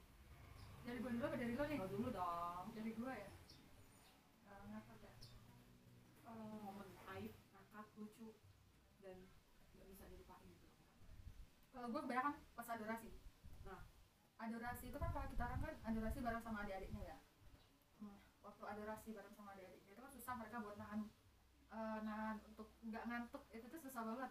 Dan mereka kalau udah ngantuk itu dengan pola tingkahnya masing-masing gitu ya karakter karakter dengan muka mereka yang ya amburadul itu keluar semua. Dan kami itu di belakangnya gitu jadi di depan adiknya di belakangnya kita. Jadi kita tuh melihat sorotan dari berbagai adik-adik yang ya dengan notabene tidur dengan ya puas gue lah dengan muka. Ada yang, ada yang palanya muter-muter lah ah pokoknya dengan tingkahnya masing-masing. Itu eh, buat aku sama teman-teman aku susah untuk fokus. Kebanyakan ketawa melihatin adik-adiknya. Itu yang pertama. Terus yang kedua aku kan kerja di bagian aula. Itu kan kalau misalkan di aula itu harus ada tempat tertentu yang harus di keramik itu dialasin koran. Untuk apa? Karena biasanya ada kalong kalong lengger di oh aula. kalau Ah, taiknya itu kan kalau udah di keramik itu kan susah dihilangin. Jadi suster itu minta dianu dialasin koran gitu. Waktu itu sempet lupa untuk kesekian kalinya udah diingetin kesekian, kesekian kalinya tapi lupa terus sampai suster Natalia tuh eh tit astaga. Sampai suster ah, dia sama suster saking kangennya nih. Dia sampai suster itu ini apa ngomong bu Mes, saya sudah bilang untuk kesekian kalinya kalau malam sebelum tidur alasin ini pakai koran eh, iya suster iya. Iya iya iya.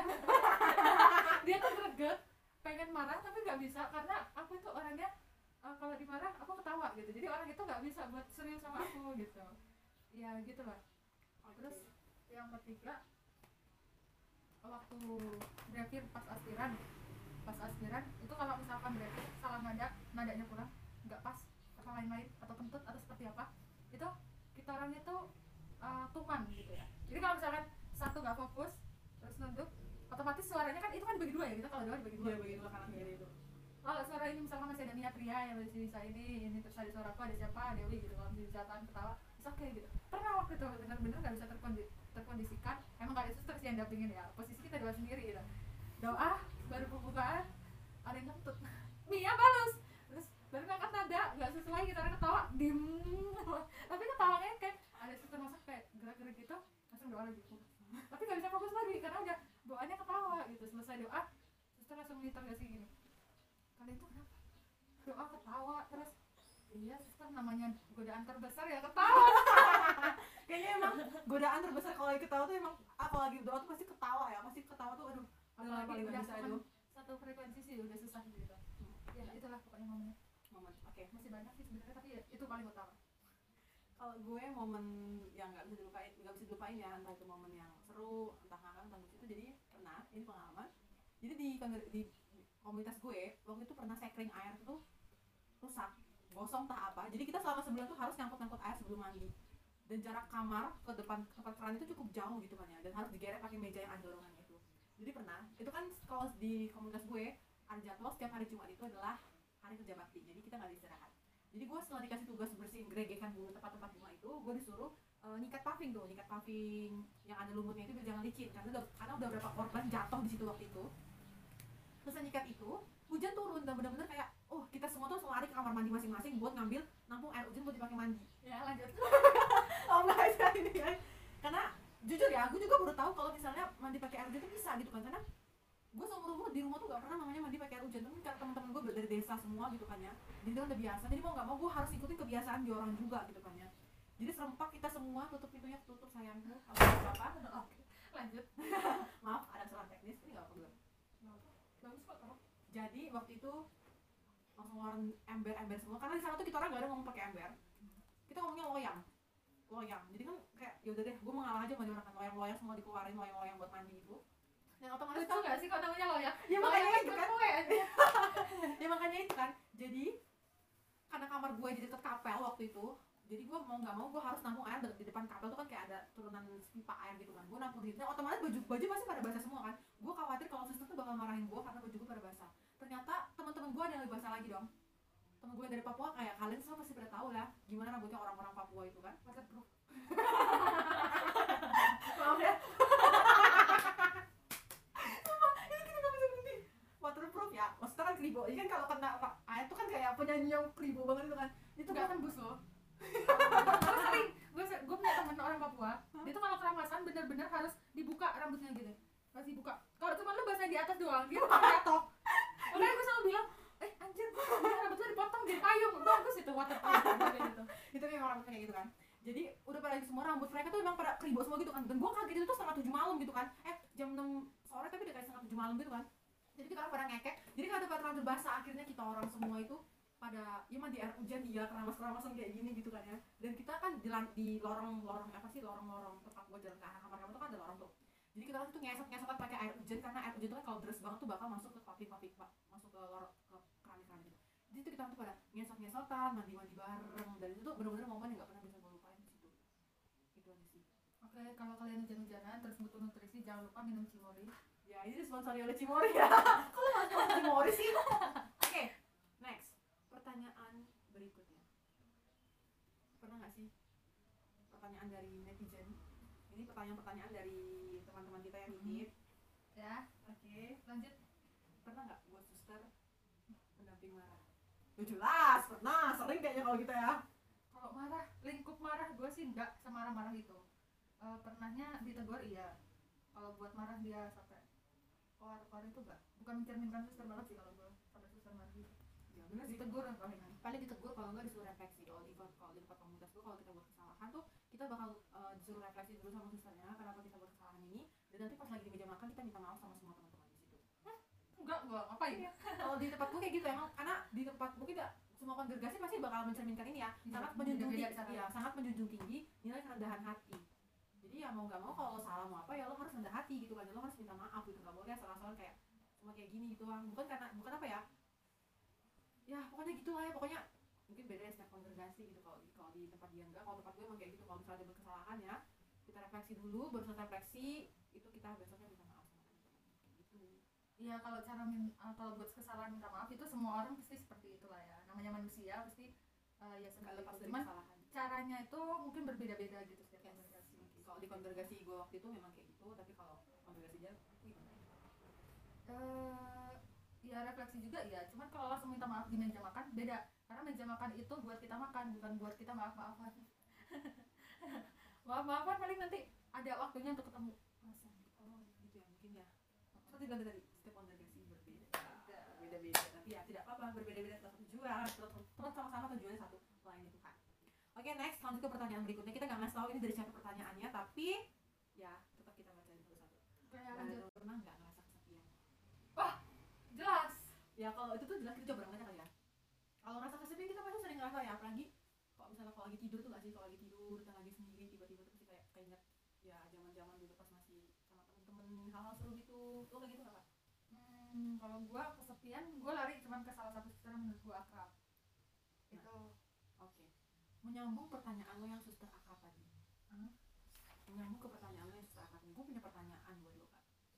Lo tuh pasti lo pernah kan deket sama satu suster sampai kayak ngelebihin banget. Lo kan kayak kali batas lo ngelebihin apa ya pergaulannya yang ada di biara yang sampai lo melanggar aturan kayak gitu. Pernah nggak? Hmm, pernah sih pernah. Nggak ditegur sih sama susternya cuman kayak di apa ya di mata-matai gitu di kontrol. Ya di pokoknya diliatin terus dipantau terus kayak curiga gitu. Karena kan di sini posisi saya di posisi gua masih postulan itu diperhatiin banget gitu. Boleh deket tapi jangan terlalu dekat gitu. Tetap harus ada jarak sama-sama masa formasi waktu itu. Eh, terus apa? Lagi? Kesepian rindu rumah rindu sahabat. Ya itu pasti sih. Namanya kita di biara kita nggak langsung udah gue masuk biara gue mau serahin diri gue buat Tuhan. Gue nggak ada perasaan sepi gue bahagia dengan pilihan gue sekarang. Nggak Oh, mungkin tidak mungkin. Itu jilat orang dalam. Jilat itu gak itu itu bohong banget. Soalnya kan kita namanya masih masa transisi ya masih masa uh, menyesuaikan gitu dari kita yang dulu di rumah sesuka-suka gue terus gue harus di biara dengan gue harus ngikutin aturan yang uh, harus disiplin dan lain-lain gitu kan. Itu pasti ada kesepian stigma stigma tertentu yang buat membuat kita tuh ih gue kayak gini gue salah jalan kayak ih temen gue kayak gini. Ih gue takut lo gini gini gini. Gue kangen sama teman gue gue pernah suatu hal pernah waktu itu benar-benar dihadapin. Posisi gue lagi meditasi terus salah satu suster itu membina kita buat kita lepas dari raga kita. Jadi tubuh kita tetap di sini tapi raga kita tuh pergi ke mana terus diminta sama dia ngikutin suara selama kita meditasi. Di situ kita suruh masuk ke dalam ruangan. Kita ada pilihan antara kita masuk ke ruangan tempat kebahagiaan atau bersama orang tua. Kenapa tempat yang ngerasa kita bahagia membuat kita bahagia termasuk uh, kita nggak rindu sama keluarga gitu. Terus pernah disuruh masuk-masuk gitu tempat itu mengenang lagi masa lalu itu dari meditasi itulah kita diolah batin kita mental kita benar-benar kita harus ya dengan di era yang seperti ini gitu kan. Orang-orang mileni- milenial yang nggak bisa lepas dari gadget terus terus harus terbiasa ngobrol dengan teman-teman tanpa gadget itu susah sih paling dari saya. Iya jelas banget. Karena kan kita orang kaum muda gitu kan kita masih pengen happy dan ketika dalam tuh kita benar-benar karena kita ketika kita memutuskan untuk masuk ke biara berarti kita sudah menyerahkan diri kita sama biara dan siap untuk diolah dan dibina. Berarti ya nggak ada alasannya saya kangen ini saya kangen itu. Ya memang rasa kangen tuh memang ada tapi jangan sampai rasa kangen itu buat kita sedih gitu. Kalau sedih sih ya nggak ya paling cuma kayak kesepian tiba-tiba kangen ini kangen ini. Paling yang hal kesep hal kalau misalnya lagi kesepian hal yang bisa kita lakuin pasti apa? Datang ke kapel berdoa. Gitu sih. Boleh gitu gak kalau gue kesepian nangis itu wajar ya namanya manusiawi karena gitu kan. Nangis tuh udah menjadi makanan sehari-hari iya pasti karena kan nggak semua orang bisa langsung menerima pendapat orang itu gitu kan. Nilai orang itu ya lu tuh kayak gini loh ternyata gini. Iya iya iya gue minta maaf gitu. Ada yang seperti itu ada yang dia kayak ngomong begitu tapi muka kita eh, menimbulkan sesuatu perasaan yang penolakan gitu. Itu ada. Terus kalau gua apa tadi? Kalau gua? Kalau misalnya lagi sepi tuh apa yang lo lakuin gitu Oh iya tuh gua cerita sama satu suster yang deket sama gua. Dan suster itu tuh kayak ya bukan suster formator sih sebenarnya dia tuh suster yang menurut gua tuh kayak kakak gua sendiri. Kayak orang paling deket sama gua. Bahkan hampir sampai ke kelas untuk sekian kalinya lagi doa lagi sama teman-teman dia merhatiin gua gua merhatiin dia gitu. Jadi kayak iya bukan lesbi ya. Kita kayak apa saling perhatiin mata saling kode-kode mata iya gitu pada kan. mata gitu lah. Terus eh, dia juga selalu bilang pokoknya sekali aku nggak munculin eh, muka di depan dia dia langsung nanya gitu sama angkatanku. Terus angkatanku laporan ke aku mas tadi kamu ditanyain sama suster ini nyariin kamu. Oh iya itu doang. Soalnya eh, kita kan itu boleh deket tapi harus jaga jarak gitu. Pernah di beberapa ini juga dicurigain. Terus akhirnya kita kayak jaga jarak. Aku berusaha cuek dia mau cuek sama aku nggak bisa. Karena setiap aku ngajak apa sih mencairkan suasana di angkatan dia juga pengen ketawa gitu. Jadi dia tuh nggak bisa nipu dirinya buat nggak kenal sama aku gitu tuh nggak bisa dia. Ya gitulah. Itu kisah-kisah Itu kisah. Berlanjut ke pertanyaannya. Ini pertanyaannya cukup gokil dan Oke. bisa dibilang kayak ini juga bisa termasuk membuka aib kita juga yang selama kita lakukan di sana. Oke siap. Apakah itu pertanyaannya? Pernah nggak kerusakin barang di biaran padahal udah dibilangin sama susternya hati-hati tapi justru karena keteledoran kita buat kesalahan dan berusaha sebisa mungkin untuk menahan jangan sampai suster tahu tuh. Pernah nggak? Merusakin barang ya? Hmm. pernah sih. Entah apa pun itu entah mecahin kaca entah mecahin inilah. Mecahin kaca juga nggak pernah sebrutal brutalnya aku ya sepecicilannya aku tuh nggak pernah sampai nge- nge- ngerusakin barang sih. Paling cuman kayak dia tuh kan ada engselnya gitu ya hampir jatuh itu pernah. Cuman kalau jatuh sampai pecah itu nggak pernah sih. Kalau gue lebih susah diatur gue kalau gue pernah. Teruntuk untuk suster formator pun nanti yang kalau mendengar ataupun melihat nonton video ini. Tolong ini paling nakal ya. Tandain suster kalau ketemu tagih yang pernah dia rusak apa-apa. jadi tuh waktu itu kan mau menyambut eh, Natal ya jadi selesai gua buat gua Natal itu gua mau ngambil patung replika itu loh gua buat Natal ada patung Santa Yusuf pat- patung bayi Yesus patung domba segala macam itu kan. Gua ngambil di ruang asik di samping pas banget kantor suster jadi gua tuh udah ngambil tuh pelan-pelan karena gua udah ingat pesan suster karena suster tuh tahu kalau gua orang itu emang udah petakilan cicilan gitu kan. Suster tuh ngomong hati-hati ya jangan sampai pecah. Cukup patung yang ini aja yang udah pecah kata suster karena udah ada satu patung yang udah pecah udah bener-bener udah babak belur banget udah gak lagi. Dan itu tuh bener-bener gue udah bawa tuh pelan-pelan gitu ya. Pas gue mau jalan ke balik lagi ke ruang adorasi seingat gue pintu ruang adorasi itu kebuka gitu kan. Ternyata pas gue sampai depan pintu ruang adorasi pintu ruang adorasinya ketutup gue lupa banget. Dan alhasil patung yang gue pegang itu satu jatuh patung bapak Yosef dan itu tangan sama kepalanya pe- apa putus gitu loh lepas dari bodinya gitu. Kata gue ada Tuhan ini gimana? Kata gue gue udah panik banget situ kan. Terus gue inget gue pernah lihat ada lem pipa super kuat itu tuh di, di gudang. Jadi gue cepet-cepet ngambil jadi gue bener-bener tuh jalan tuh bener-bener kayak maling. Pelan banget. Karena tuh kalau gue jalan pelan aja tuh lorong tuh bener-bener kedengeran banget karena saking silencium banget kan. Gue masuk ke, gudang tuh kace-kace nyari gunting tengoknya gue ngambil lem pipa baru gue lem bener-bener sampai gak kelihatan. Dan itu tuh gue gak ada ngomong sama suster karena kalau gue ngomong sama suster pasti gue bakal dimarahin dan gue bakal dibilang tuh kan pecicilan lagi. Itu sih kerusakan barang baru yang kedua potnya suster pernah gue tarik putus apa apa sih ujung mulutnya tuh pecah. Dan suster gue gue gak bilang sama suster tapi suster tahu gue pecahin itu dan akhirnya itu sih. Tapi yang pertama lo udah ngomong belum sama suster yang mana? Yang vakum itu. Kagak gue sama sekali gak ada ngomong sama suster beneran. Sumpah gue gak ada ngomong lo udah keluar gini belum ngomong? Gila. Ntar ya gue cuma takutnya nanti ketika itu lo nggak ngomong terus itu kan nah, posisi udah posisi patah ya? Posisi patah dari awal terus tiba-tiba dia nggak sengaja dia yang dipatahin padahal awalnya emang udah patah. Kan nggak tahu. Ya makanya tapi tapi gue bersyukur banget ya Tuhan. Tuh memang masih gak tahu emang Tuhan yang baik hati nolongin gue atau gimana emang gue lagi hoki Pa- tapi patahan itu tuh bener-bener tuh gak ada pecahan kecil-kecil gitu loh. Itu langsung patah utuh kayak gitu. Pas gue satu itu pas gue satu itu bener-bener tuh udah gak ada lagi bekas patahannya udah utuh lagi kayak balik. Cuma kalau tangan tuh memang kayak ada bekasnya tapi ya udahlah ya daripada gue kena marah suster tapi gue sampai sekarang tuh bener-bener belum ngomong sama suster gue takut banget. Maafin banget ya suster formatorku ya ampun. Dosa kata gue gila ini ya udah seperti yang teman-teman semuanya lihat gitu ya. Ya inilah kehidupan kita di biara gitu. Pasti ada suka ada dukanya gitu kan ya. Nggak nggak cuma kayak di biara tuh nggak cuma kayak hidup kayak doa doa doa doa doa doa doa doa doa misalnya tapi enggak gitu. Satu satu pesan terakhir karena dia udah ngelakuin kesalahan yang besar dan dia baru jujur di podcast. Untuk yang dengar eh, jangan lari dari masalah. Kalau ada masalah eh, terus lo harus jujur lo jujur aja. Lebih baik lo dimarahin saat itu daripada lo ngempet lo baru ngomong sekarang lo udah dicap jelek sama suster. Gue tuh ngomong gila gue tuh apa ya gue tuh sempet udah mau bilang sama suster kalau itu udah mau udah pecah loh tapi udah gue benerin lagi gitu kan ya tapi waktu itu karena gue tuh apa ya gue udah mau ngomong nih gue udah mau jalan ke kantor susternya itu kan. Tapi karena gue dipanggil sama temen gue yang butuh bantuan disuruh megangin goanya itu. Makanya gue lupa lagi gitu kan. Jadi makanya gue keberanian gue yang tadi udah muncul tiba-tiba langsung sirna hilang gitu aja gara-gara ih ya ampun gue nih emang ah sih ya udah ya udah ya udah. Itu fatal ya guys. Jadi di sini gue cuma ngasih tauin aja baiknya kalau kalian punya masalah atau punya kesalahan itu langsung minta maaf. Jangan seperti ini.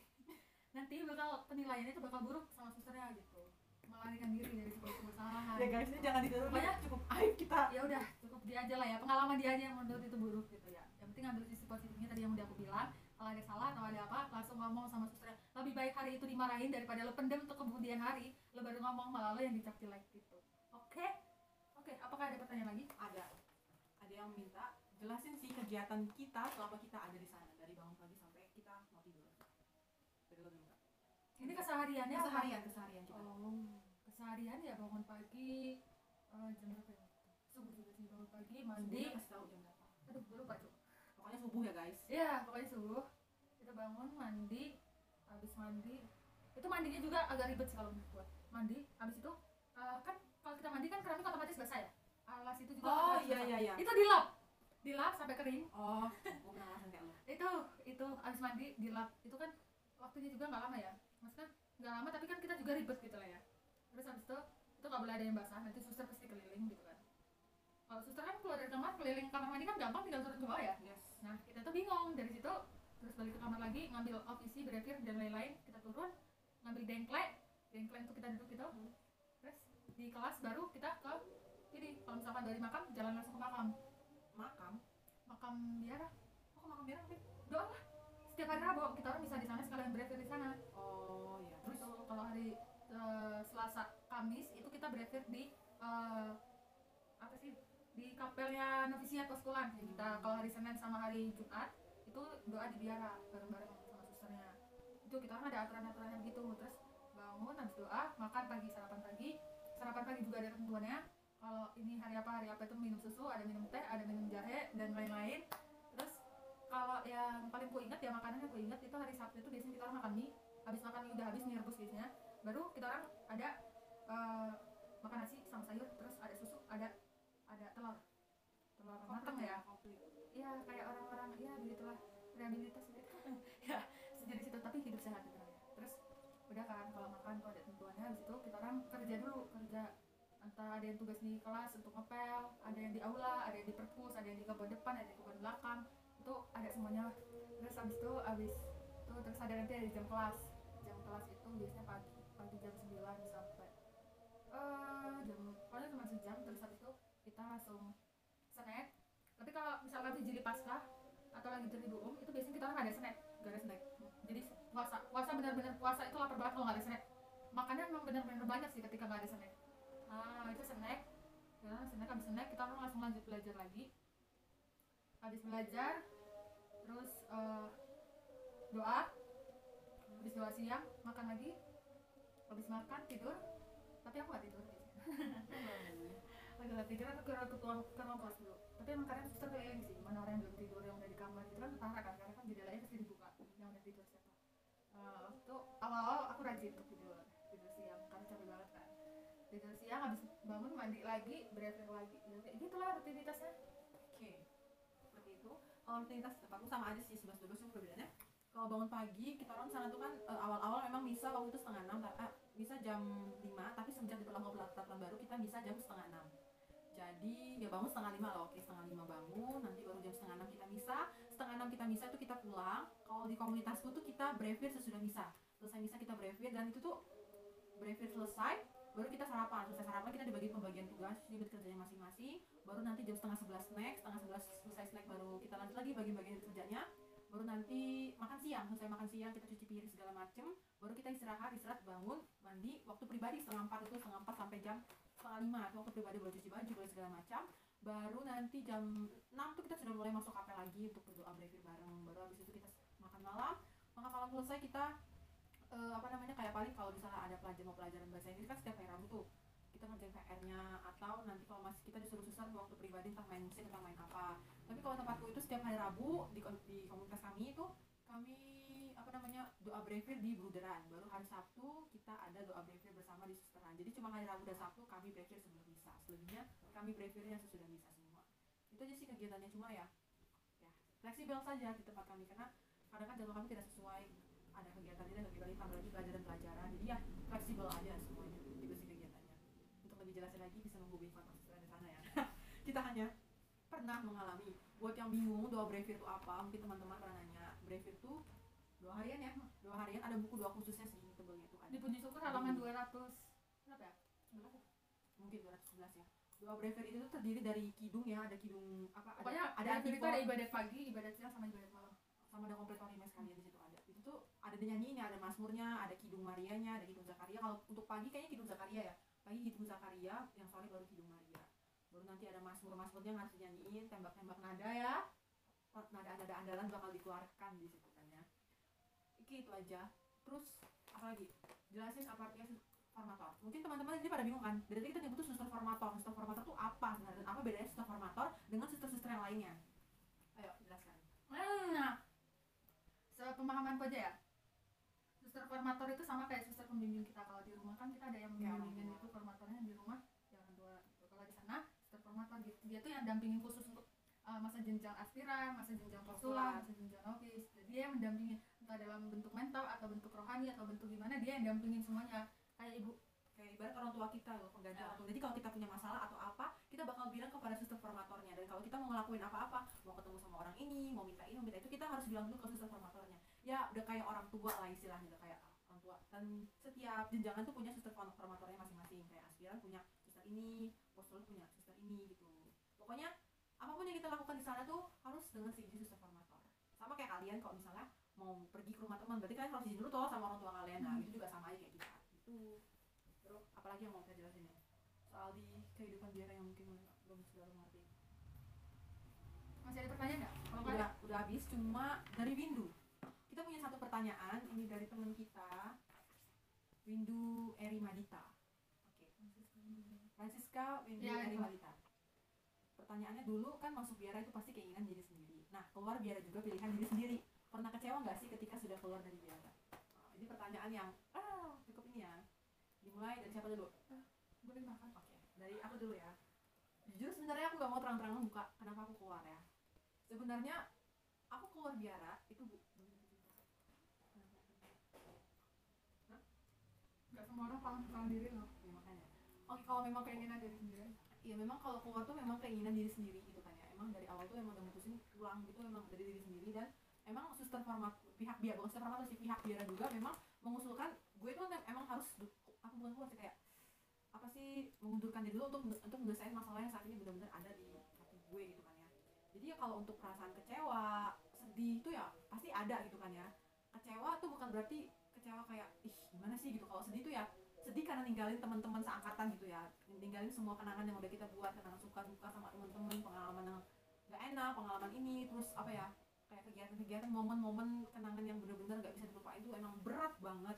Kalau kecewa pasti ya ngomong sama diri sendiri waktu itu lo kenapa nggak bisa sih kayak gini? kayak gitu ya. Pasti ada pertanyaan kayak gitu. Tapi ya karena kita sudah memutuskan sendiri dan pihak biara juga sudah mendukung ya itulah yang harus kita jalan kita harus terima kenyataan karena kayak ada satu apa namanya satu bukan kayak apa ya? Banyak yang terpanggil tapi sedikit yang dipilih. Wah. itu dia sih.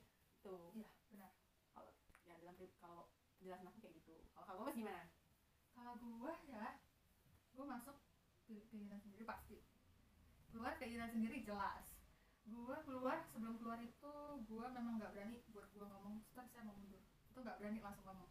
Gua waktu itu emang dulu sering kan kalau biasanya kita tuh ada buku meditasi gitu kan buku refleksi. Nah gua tuh nulis di situ. Setiap gua merasa gua memang benar-benar ketika gua down atau terpuruk itu gua nulis. Pengen pulang. Pengen pulang. Udah tiga kali tuh ya gua ngomong. Dengan di hari yang berbeda gua udah gua udah ngomong tiga kali untuk pengen pulang itu terus akhirnya gua dipanggil lah sama suster formator Lalu kamu kenapa? ya, biasa lah suster, anak muda yang pengen pulang. Terus aku ngomong kayak gitu. Terus habis itu barbar banget suster formator kayak gitu Iya, soalnya daripada kita ngomongnya, ya suster saya udah gini-gini, kan kesannya sedih kan. Gue pulang kan karena gue udah bahagia kan, jadi gue men- mencerminkan di diri gue gitu, gue pengen keluar karena gue udah bahagia di gue. Bukan berarti gue keluar ini, yang gue masuk di biara itu cuma main-main, enggak. Gue tetap belajar dari di biara, tetap banyak yang bisa gue pelajari dari biara, karena ketika kita keluar, yang dianggap orang itu, oh dulu dia mantan biara, berarti dia bisa untuk ini. Udah didapat nilai plusnya nih, ya. Terus gue keluar dari biara, gue ngomong, terus akhirnya coba kamu eh, saya kasih waktu seminggu kalau kamu ada berubah pikiran untuk eh, nggak jadi pulang bisa ngomong ke saya tapi kalau mau jadi pulang ketemu lagi sama saya. Pokoknya pulang nggak pulang harus ketemu gitu. Terus habis itu seminggu aku putusin aku diam gitu ya selama seminggu diam. Aku nggak percaya suasana. Pokoknya temanku sampai heran mas kok lu tumben banget sih diam selama seminggu ini? Bahkan suster yang deket sama gua dia udah gini mas mas ngapu sih aku sih? Soto itu kayak gitu kan. Terus ketawa lagi gitu dia dia tahu kalau gue udah mau pulang tapi dia kawan gue kan heran ya gue diem aja. Terus dia ngomong dia dia yang gantian sama gue gitu dia mencairkan ke suasana gue yang diem gitu kan. Terus akhirnya eh, teman gue penasaran kan nanya lah sama suster antaranya what? Kat kat kat kat oke nanya pokoknya sama suster itu. Iya sama suster itu. Ya sama suster itu. Terus akhirnya tem eh, teman gue eh, suster itu gak jawab jujur sih cuma bilang Gomez lagi capek dia kan sering mencairkan suasana terus sering dimarahin ditegur juga. Mungkin dia pengen jadi kalem gitu. Wah bukan dia banget jadi kalem. Kan ya temen lo ini. Terus akhirnya terus suster suster itu ketawa kan. Ya biasalah namanya orang aktif pengen jadi pasif itu agak susah makanya dia coba gitu kan. Sudahlah biarkan dia lagi merenung sekarang. Tapi jangan terlalu merenung belakang kita tuh kangen ke kegokilannya dia kata dia. Terus akhirnya suster itu cerita sama aku. Mas kayaknya kamu jangan murung-murung kayak gitu. Kenapa? Mereka malah curiga kira kamu pulang gitu lebih baik kamu kayak biasa aja gitu. Oke aku coba besok kayak biasa ya. Oke oke. Terus terus akhirnya eh, malamnya kan gue ketemuannya itu malam ya tengah malam sama dia. Di salah satu tempat yang sangat gue suka di biara. Itu suka banget sampai sekarang masih gue inget jangan disebutin. Terus eh, malamnya mereka belum tidur ternyata malamnya mereka datang masih di kamar gue gue kaget kan? Kalau di kamar gue panas. Gue nyalain lampu. Anjir bukan panas jadi saat kata gue itu pada masuk kamar gue teman-teman lo iya belum tidur masih Ber- lima itu eh bertujuh iya ya berenam ya berenam itu lah masuk termasuk si itu juga orang-orang masuk kan. Terus habis itu kok lo di kamar gua? Ya lo sendiri ngapain? Lo dari mana? Kok baru balik ke kamar? Ya gua habis merenung tadi di luar. Alah gak usah bohong lo habis ketemu suster itu kan kata dia gitu. Apa sih? Bullshit. Apa? Kamarnya sih mau minta makan? Iya sih salah satunya itu. Tadi pria udah ngambil makanan ya gitu. Oh ya udah makan aja. Emang kenapa? Mau ngomong apa? Lo mau balik tuh mes jahat lo. Dia bilang kayak gitu. Nah omongan kita tuh suaranya gak dikecilin loh volumenya. Terus nggak aja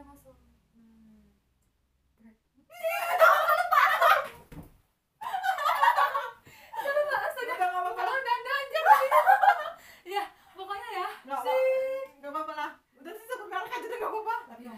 lah ya. nggak nggak masuk kan ya?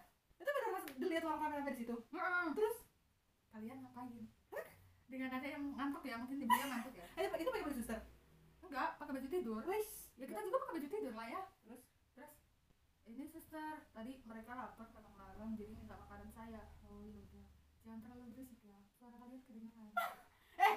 ih suster formator lo baik banget sih Ya kalau dia bentak-bentak apa ya semua orang nggak bangun? Maksudnya bangun. gini, gini maksud maksud gue tuh gini loh suster formator lo tuh kayak ngelihat lo orang rame-rame di kamar tuh gak dimarahin sedangkan wih gue wow salut gue sama suster formator lo iri gue Ya gitu lah ya, karena kan itu udah malam juga kan. Gue juga heran, gue juga kaget, gue bingung mau jelasinnya kayak mana. Karena di situ posisi temen gue Gue gak mungkin jatuhin, jatuhin temen gue karena di situ gue jadi penengah gitu kan. Jadi gue berusaha Terus kalian mau di sini lama-lama? Gue bilang Abis susternya pergi kan, oh iya sekarang nanti mereka segera pulang. Aku cuma palaku aja yang keluar gitu ya. Jadi teman itu dia orang pada ngumpul di belakang? Yang di kamar gue Masih di kamar gue posisi. Terus dia orang pada deg-degan semua gak tuh? Ya deg-degan lah jelas, suster formator masuk Terus akhirnya, gimana mas? Mukanya lagi setengah sadar kayaknya. Satu di alam bayang, satu di alam asli gue lagi Bisa lo masih ketawa, lo masih ngakak gitu. Suaranya pelan nih, nanti masuk lagi Belum, ini masih mending ya suster tadi. Kalau suster, suster satunya masuk gimana coba? Suara mana? Eh. Terus, habis itu ya udahlah. Akhirnya mereka orang balik ke kamar. Besok paginya nanya lagi mas gue balik lah apa sih? Enggak lah ngapain gue balik? Gue lo seneng di sini sama orang ketawa-tawa kan gue suster formator satu lagi tuh nggak nggak denger lo orang kan? Kan udah tidur makanya beliau tadi ngomong pelan-pelan. Kalau dia ngegas apa nggak dibawa bangun oke guys. Itu pertanyaannya. Kecewa nggak lo pas pulang pas pulang gue nggak kecewa. Gue malah seneng banget. Ya karena sudah menjadi pilihannya gitu kan ya. Kita berdua nih ya itulah. Baru pertanyaan kedua dari masih orang yang sama juga dia ngasih dua pertanyaan. Oh bentar. Tadi cerita tadi itu hanya kisah-kisah ketawa kita aja ya Iya. jangan kalau menstigma oh ternyata ghost itu nakal di luar biara Iya, jangan menstigma kayak apa ya. Kita tuh hanya sharing saja. Karena kita pengen ngeluapin kayak apa yang gitu. apa yang selama ini kita rasain biar bukan berarti kita kayak mau ngejudge biar atau kayak gini enggak. Kita cuma mau sharing sharing aja gimana pengalaman pengalaman kita. Kan kita udah bilang dari awal yang baik dari kita diambil yang jelek dari kita tuh jadikan sebagai pelajaran. Jadi hiburan aja buat jadi kalian. hiburan aja buat kalian. Ya biar gak terlalu tegang banget biar kalian gak terlalu mikir tuh biara kayak gini ya. Tapi biara tuh sebenarnya apa ya bukan jadi tempat apa sih namanya kalau dibilang ya gitu Pokoknya- pokoknya. Eh, cerita-cerita yang kalian dengar jangan buat kalian jadi eh, batu eh, handalan apa batu batasan buat kalian untuk jadi suster gitu. iya jangan jadikan itu. Karena apa ya? Biara itu tidak seburuk yang kalian bayangkan. Biara itu tidak seseram yang kalian bayangkan ini kan hanya pendapat kita Hanya gitu pendapat kan. kita gitu. pendapat kalian beda yang merasakan gitu. Setiap angkatan itu berbeda masa-masanya. Iya, biara tuh enak sebenarnya. Apalagi kalian akan berinteraksi dengan banyak suster gitu kan. Pasti tidak seseram yang kalian bayangkan pasti akan seru kalau bawa enjoy pastinya yang kedua kita udah berusaha untuk komitmen tapi tidak memilih tapi tidak memilih kita ketika kakak ketika kita berada di dalam kenyataan apa yang kita lakukan ke depannya? Kita sudah komitmen gitu kan ya mau masuk biara gitu. Kita mau tetap di sini sampai Tuhan yang mengambil nyawa kita tapi ternyata waktu itu tidak tapi ternyata Tuhan tuh gak memilih kita. Terus yang mau kita terus gimana kita cara ngadepinnya gitu? Dan apa yang mau kita lakukan ke depannya? Apa ya? Kalimat dia ini Tuhan tidak memilih itu salah sih. Bukan Tuhan tidak memilih memang bukan bukan berarti Tuhan tuh gak memilih loh. Mungkin bukan jalannya kita bukan hidup di sini gitu nggak sih kata-katanya oh panggilan itu istilahnya panggilan nggak bisa dipaksain ya. panggilan gak bisa dipaksain gitu. Oh, apa yang harus dihadapi gitu? Ini apa yang apa yang Oh, dilakuin sama oke. kita ke depannya. Yang kita lakuin ke depannya sih ya kalau memang panggilan itu bukan belum saatnya saat ini ya udah terima aja gitu loh. Kita bisa ngelakuin hal-hal yang lain hal-hal positif yang lain gitu kan ya entah kita ber- lebih bersos- berkembang bersosialisasi dengan orang banyak dengan kuliah ataupun nanti berikut organisasi di sana sini gitu kan. Karena gue sering dengar sih dari orang-orang ya ada juga dari beberapa suster yang ngomong memang kematangan orang yang masuk biara tuh memang jauh lebih matang yang udah kuliah ya. Karena yang udah kuliah tuh bukan bukan ngebandingin ya bukan ngebandingin orang yang udah kuliah sama yang belum kuliah masuk biara gitu. Beda aja gitu loh karena tingkat pendewasaan tingkat orang itu pendewasaan berpikiran tuh lebih matang yang sudah kuliah. Karena apa? Kita sudah bertemu dengan orang banyak bertemu dari segala macam dari suku agama ras dan budaya. Kita udah ketemu banyak organisasi. Jadi apa ya dilema panggilan tuh udah, apa ya dilema panggilan tuh udah terbiasa kita alami. Jadi ya pas masuk biara pilihan kita udah mantep ya wes jalani lakoni alam-alam situ. Hmm. Ya. kalau dari aku eh yang harus depannya tadi udah kepikiran gimana aku lupa lagi. Hmm. Sambil, sambil nunggu dia berpikir ya buat teman-teman yang ngerasa terpanggil atau pengen gitu jadi suster ya? monggo gitu ya. Karena itu memang suatu kalau memang teman-teman ngerasa punya panggilan ya monggo nggak apa-apa gak usah dengerin gak usah jangan terpatok sama apa yang kita bilang. Masuk suster tuh harus kuliah dulu. Enggak kalau teman-teman ngerasa memang sudah siap sekarang ya nggak apa-apa gitu. Pasti biar juga kan pasti akan terbuka ya menerima teman-teman semuanya kayak gitu udah ada ketemu itu ya soal panggilan ya? Hmm, soal panggilan. Panggilan nggak bisa dipaksain Hmm. Oh, kalau dari aku? Kalau memang tahu panggilan kita nggak bisa dipaksain panggilan itu bentuknya nggak harus kita membiara sih. Dengan kita kuliah dengan kita jalanin apa yang sudah eh, itu menurut kita bagus atau itu sudah jadi pandangannya Tuhan kita harus jalan kuliah ya udah itu panggilan kita gitu. Kita sebagai mahasiswa itu juga panggilan gitu kan. Panggilan kita tuh nggak harus menuntut kita menjadi seorang yang suci gitu dalam tanda kutip membiara gitu. Kita kuliah kerja kita panggilan untuk muncak itu juga wah suatu panggilan itu. Muncak. Iyalah kita jadi pendaki alam gitu yang eh, begitu dekat dengan alam gitu itu juga panggilan sih. Panggilan itu macam-macam sih. Jadi nggak harus tak nggak harus menjadi seorang biarawan biarawati enggak. Tapi memang orang tua pasti sangat bangga ketika anaknya itu menjadi seorang suster karena eh, penilaian mereka itu ketika anaknya jadi suster eh, anak akan membawa orang tua menuju ke tiket untuk masuk surga ya ada. Itu tapi ya enggak juga sih. Enggak juga sih. Kalau anaknya baik. Kalau anaknya baik juga nggak soleha oh ya seperti itu. Bisa. Ya terus kalau anaknya berprestasi juga bisa. Itu membanggakan pastinya itu mungkin ada lagi yang mau kita bahas di sini? Udah sih kayaknya itu aja ya. Saya juga bingung mau jawab apa lagi. Mungkin cuma itu sih yang bisa kita sharingin ya tentang kegiatan kita di Biara thank you buat semua teman-teman atau mungkin ada bapak ibu atau juga suster yang ikutan nonton di sini terima kasih banyak udah gabung di podcast kita kali ini. Sampai jumpa di podcast kita selanjutnya mungkin dengan berbeda orang atau apa. Tapi yang penting pesan satu dari pesan dari kita lewat sharing ini ambil yang baik dari kita jadikan yang itu sebagai pelajaran.